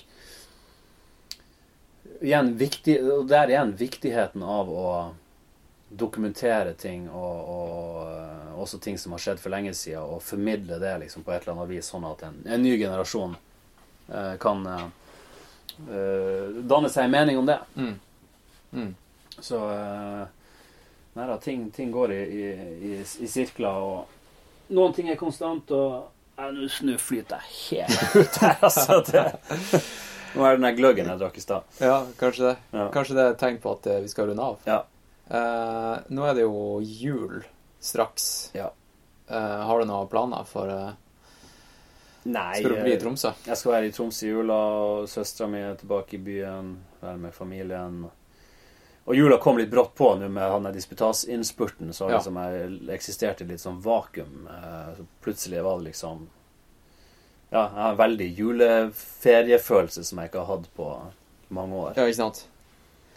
Så, så er det jo mye Ja, jeg treffer venner som er på besøk i byen for og, eh, Ei klassisk Tromsø-jul. Ja. Du, Nå, eh, nå tok du opp disputasen igjen. Vi må jo bare si hva det handler om. Vi kan ikke bare si Ja, at du, det var jo eh, som sagt X-filmen handla om uh, rock'n'roll og Hegels uh, dialektstriade. Uh, det jeg har disputert i, er hørselsskader hos rockemusikere. Ja. Uh, klarer du å oppsummere? Nei, jeg bruker å si Funn- jeg jeg En av opponentene spurte meg liksom, hva, du, liksom, essens, hva er essensen av det du har lært. Og Da svarte jeg at jeg kan svare som musiker. Ja. er at ja, med de, de resultatene og de, de, de studiene vi har gjort, da, så er det liksom en erkjennelse av at ja, vi er jo, som rockemusikere er vi jo mer utsatt for eh, støyskader, om det er hørselstap eller tinnitus, men samtidig at jeg er nok blitt litt beroliga i forhold til at skadene ikke nødvendigvis er så store, og at det er jo mange tegn som tyder på at man utvikler en viss sånn motstandsdyktighet mot støyskade med å holde på med musikk. Alright, så kroppen uh, kommer med litt sånn forsvarsmekanisme. Ja. Øret er ikke bare en Passiv uh, mottaker, nei. Nei. Nei, nei, det, det, er, det er jo det er jo interessant hvordan hørselssystemet fungerer. Og det er helt vanvittig å tenke på alle de prosessene som foregår til hver tid når du bare sitter og lytter nå, liksom, som gjør at man hører og, og, og, og fortolker det og forstår det. og Ja. Og, og, og igjen, også, også, når man ser på musikk og sånn, og verdien av musikk i, for den liksom eh, the human experience, så er det liksom Det er noe sånn Ja, man kan fort bli ganske filosofisk også. Liksom, hva, er liksom, hva det gjør med Hvor viktig det er for hele tilværelsen vår, da, liksom. Mm. Og igjen, når da Hva skjer når, når hørselsorganet blir skada, ikke sant, og, og, og eh, i, i det spennet der. Så det er veldig interessant. Hvor er det man kan eh, lese mer om det? For jeg regner med at det ligger ute et sted. Bruker Ja, jeg lurer på om eh, Jeg lurer på om man eh, fikk vel en mail om at den, den selve thesisen ligger vel ute på noen universitetssider. Så hvis man søker 'Hearing in Rock Musicians' og navnet mitt, så skal det vel dukke opp. Mm. Men da, hvis man går i liksom, søkemotorer online, som PubMed og sånn, og søker på navnet mitt og 'Hearing' og 'Rock Music', så kan du også lese de de artiklene eh, som ligger til grunn for uh, thesisen. da. Ja. Så dem ligger Da kan jeg linke til det i show kan, ja, det, det kan jeg, Ja. ikke sant? Ja. Mm. Nei det er mye interessant der, og, og må si meg godt fornøyd med selve studien vi gjorde, og den thesisen, men det er jo som jeg sier, det er jo også er bare tusen nye dører uh, med ubesvarte spørsmål som eh, man kan ta fatt på. Skal du ta fatt på, på det? Vi får se. Ja, jeg har lyst. Mm. Så, eh, så er det å prøve å balansere det opp mot alle andre ting man har lyst til å gjøre. Mm. Og kan gjøre, og, og har økonomi til å gjøre, og what not, ikke sant. Mm. Så eh, vet jeg, det, det, men det er jo spennende å ikke helt vite hvor man er på vei. Men først skal du presentere filmen rundt På, på hjemmebane. Først nå over nyttår, og så får vi se. Forhåpentligvis mest mulig festivalvisning og rundt omkring i eh, verden det året som kommer. Ja, vet du eh, hvor du har sendt inn eh, søknader og, og Nei, sånt? vi, vi jobber liksom parallelt både med liksom litt sånn der ren submission, men også bruke det nettverket man har. Så er det et eller annet med at for hver gang du viser den, så ser flere folk den, og så og ser den i et riktig format, altså på det store lerretet sånn. Og, så, eh, så jeg holdt kortene tett til brystet, men at eh, det er mye artige ting på gang. Mm. Så som jeg sier, jeg tror mye skal få lov å skje organisk. At folk Ja, spredninga baserer seg på at folk ser den, og hvis de virkelig liker den og, og føler, føler, føler noe, så, så vil det lede til noe nytt. Som jeg tror er en, en fin måte å Istedenfor å stå med lua i hånda liksom, og please, ta oss med her, liksom. ja. Det er utrolig kult å kunne komme, var i Irland og viste den, og Igjen basert på at ett menneske hadde sett den, og- som aldri hadde stått på snowboard og knapt sett snø, og bare sånn her Som han sa, det, han, han, fikk sånn her eh, Rocky-vibber, liksom. Ja, ja. Uh, For det handler ikke om snowboard. Nei da. Det gjør jo det også, men det er mer en beskrivelse av en kultur, da, ikke sant? Som er kjempeinteressant. Eh, men, men det her at eh, Når du da kommer til den plassen, og du har nok med ett menneske som liksom har en eller annen forhold til filmen og historie, og, og igjen som han sa, var, han var like nervøs når filmen skulle vises for reaksjonene. Han følte det var liksom hans litt hans baby også, da. For han hadde funnet den, digga den, har lyst til å, å, å, å vise den og presentere den. Han var som en DJ, da. Ville vise sant, musikken sin til Ja, eh. Ja, ikke sant? Du tar jo stolthet i det som en sånn tilrettelegger, da. ja. Så, men det gjør så, opplevelsen så jævlig mye kulere for oss også, ikke sant? Å komme en plass uh, der du treffer noen som ønsker deg velkommen på den måten, basert på at de har sett det. Mm. Og så er det jo litt sånn spesielt òg når filmen både for min del også, men også for karakterens del, når den er såpass personlig og det er litt sånn livshistorie, at det blir sånn sånn her ja, you, you heard the story eh, allerede, liksom. Mm. Men klart, da har de, de har allerede på en måte blitt kjent med oss med å se filmen. Og så treffer man dem, ikke sant. Så, Ja. så det, det, det en ja, så er det jo såpass representativt at eh, man eh, Det Ja, er kan de samme karakterene. Ja da. ja da. Du, du kjenner igjen de typene der i de fleste miljøer, liksom. For, eh, for alle lyttere nå, da, som har eh, eh, blitt supergira på å se filmen um, det, De fleste er jo nordmenn. Det er også skan, ute i Skandinav Skandinavia. Mm. Uh, hvor i Norge og Sverige og Danmark og uh, nei, vi får se. Vi holder på å styre med det nå. Så vi, forhåpentligvis i løpet av vinteren blir det en sånn lanseringsturné da, uh, rundt i en del norske byer. Forhåpentligvis også Stockholm. Vi var i København før jul, men forhåpentligvis en ny visning der. Og så er det jo Nei, som jeg sier altså, Som vi vil ha kommunisert ut, at folk må bare ta kontakt. Uh, hvis de Mm. har en eller annen idé til at her kan vi vise filmen, og så er vi åpne for alle gode forslag. Og så vil det jo i løpet av 2019 regner jeg med at den slippes digitalt. da. Okay. Uh, om det blir iTunes, Netflix, et eller annet, det vet jeg ennå ikke. Men uh, time will show. Men uh, etter hvert. Men uh, vi, vi holder han jo tilbake. Vi har jo lyst til å kunne reise rundt med han først og, og vise han på store lerret og treffe Mm. folk, og, og så etter hvert få den ut.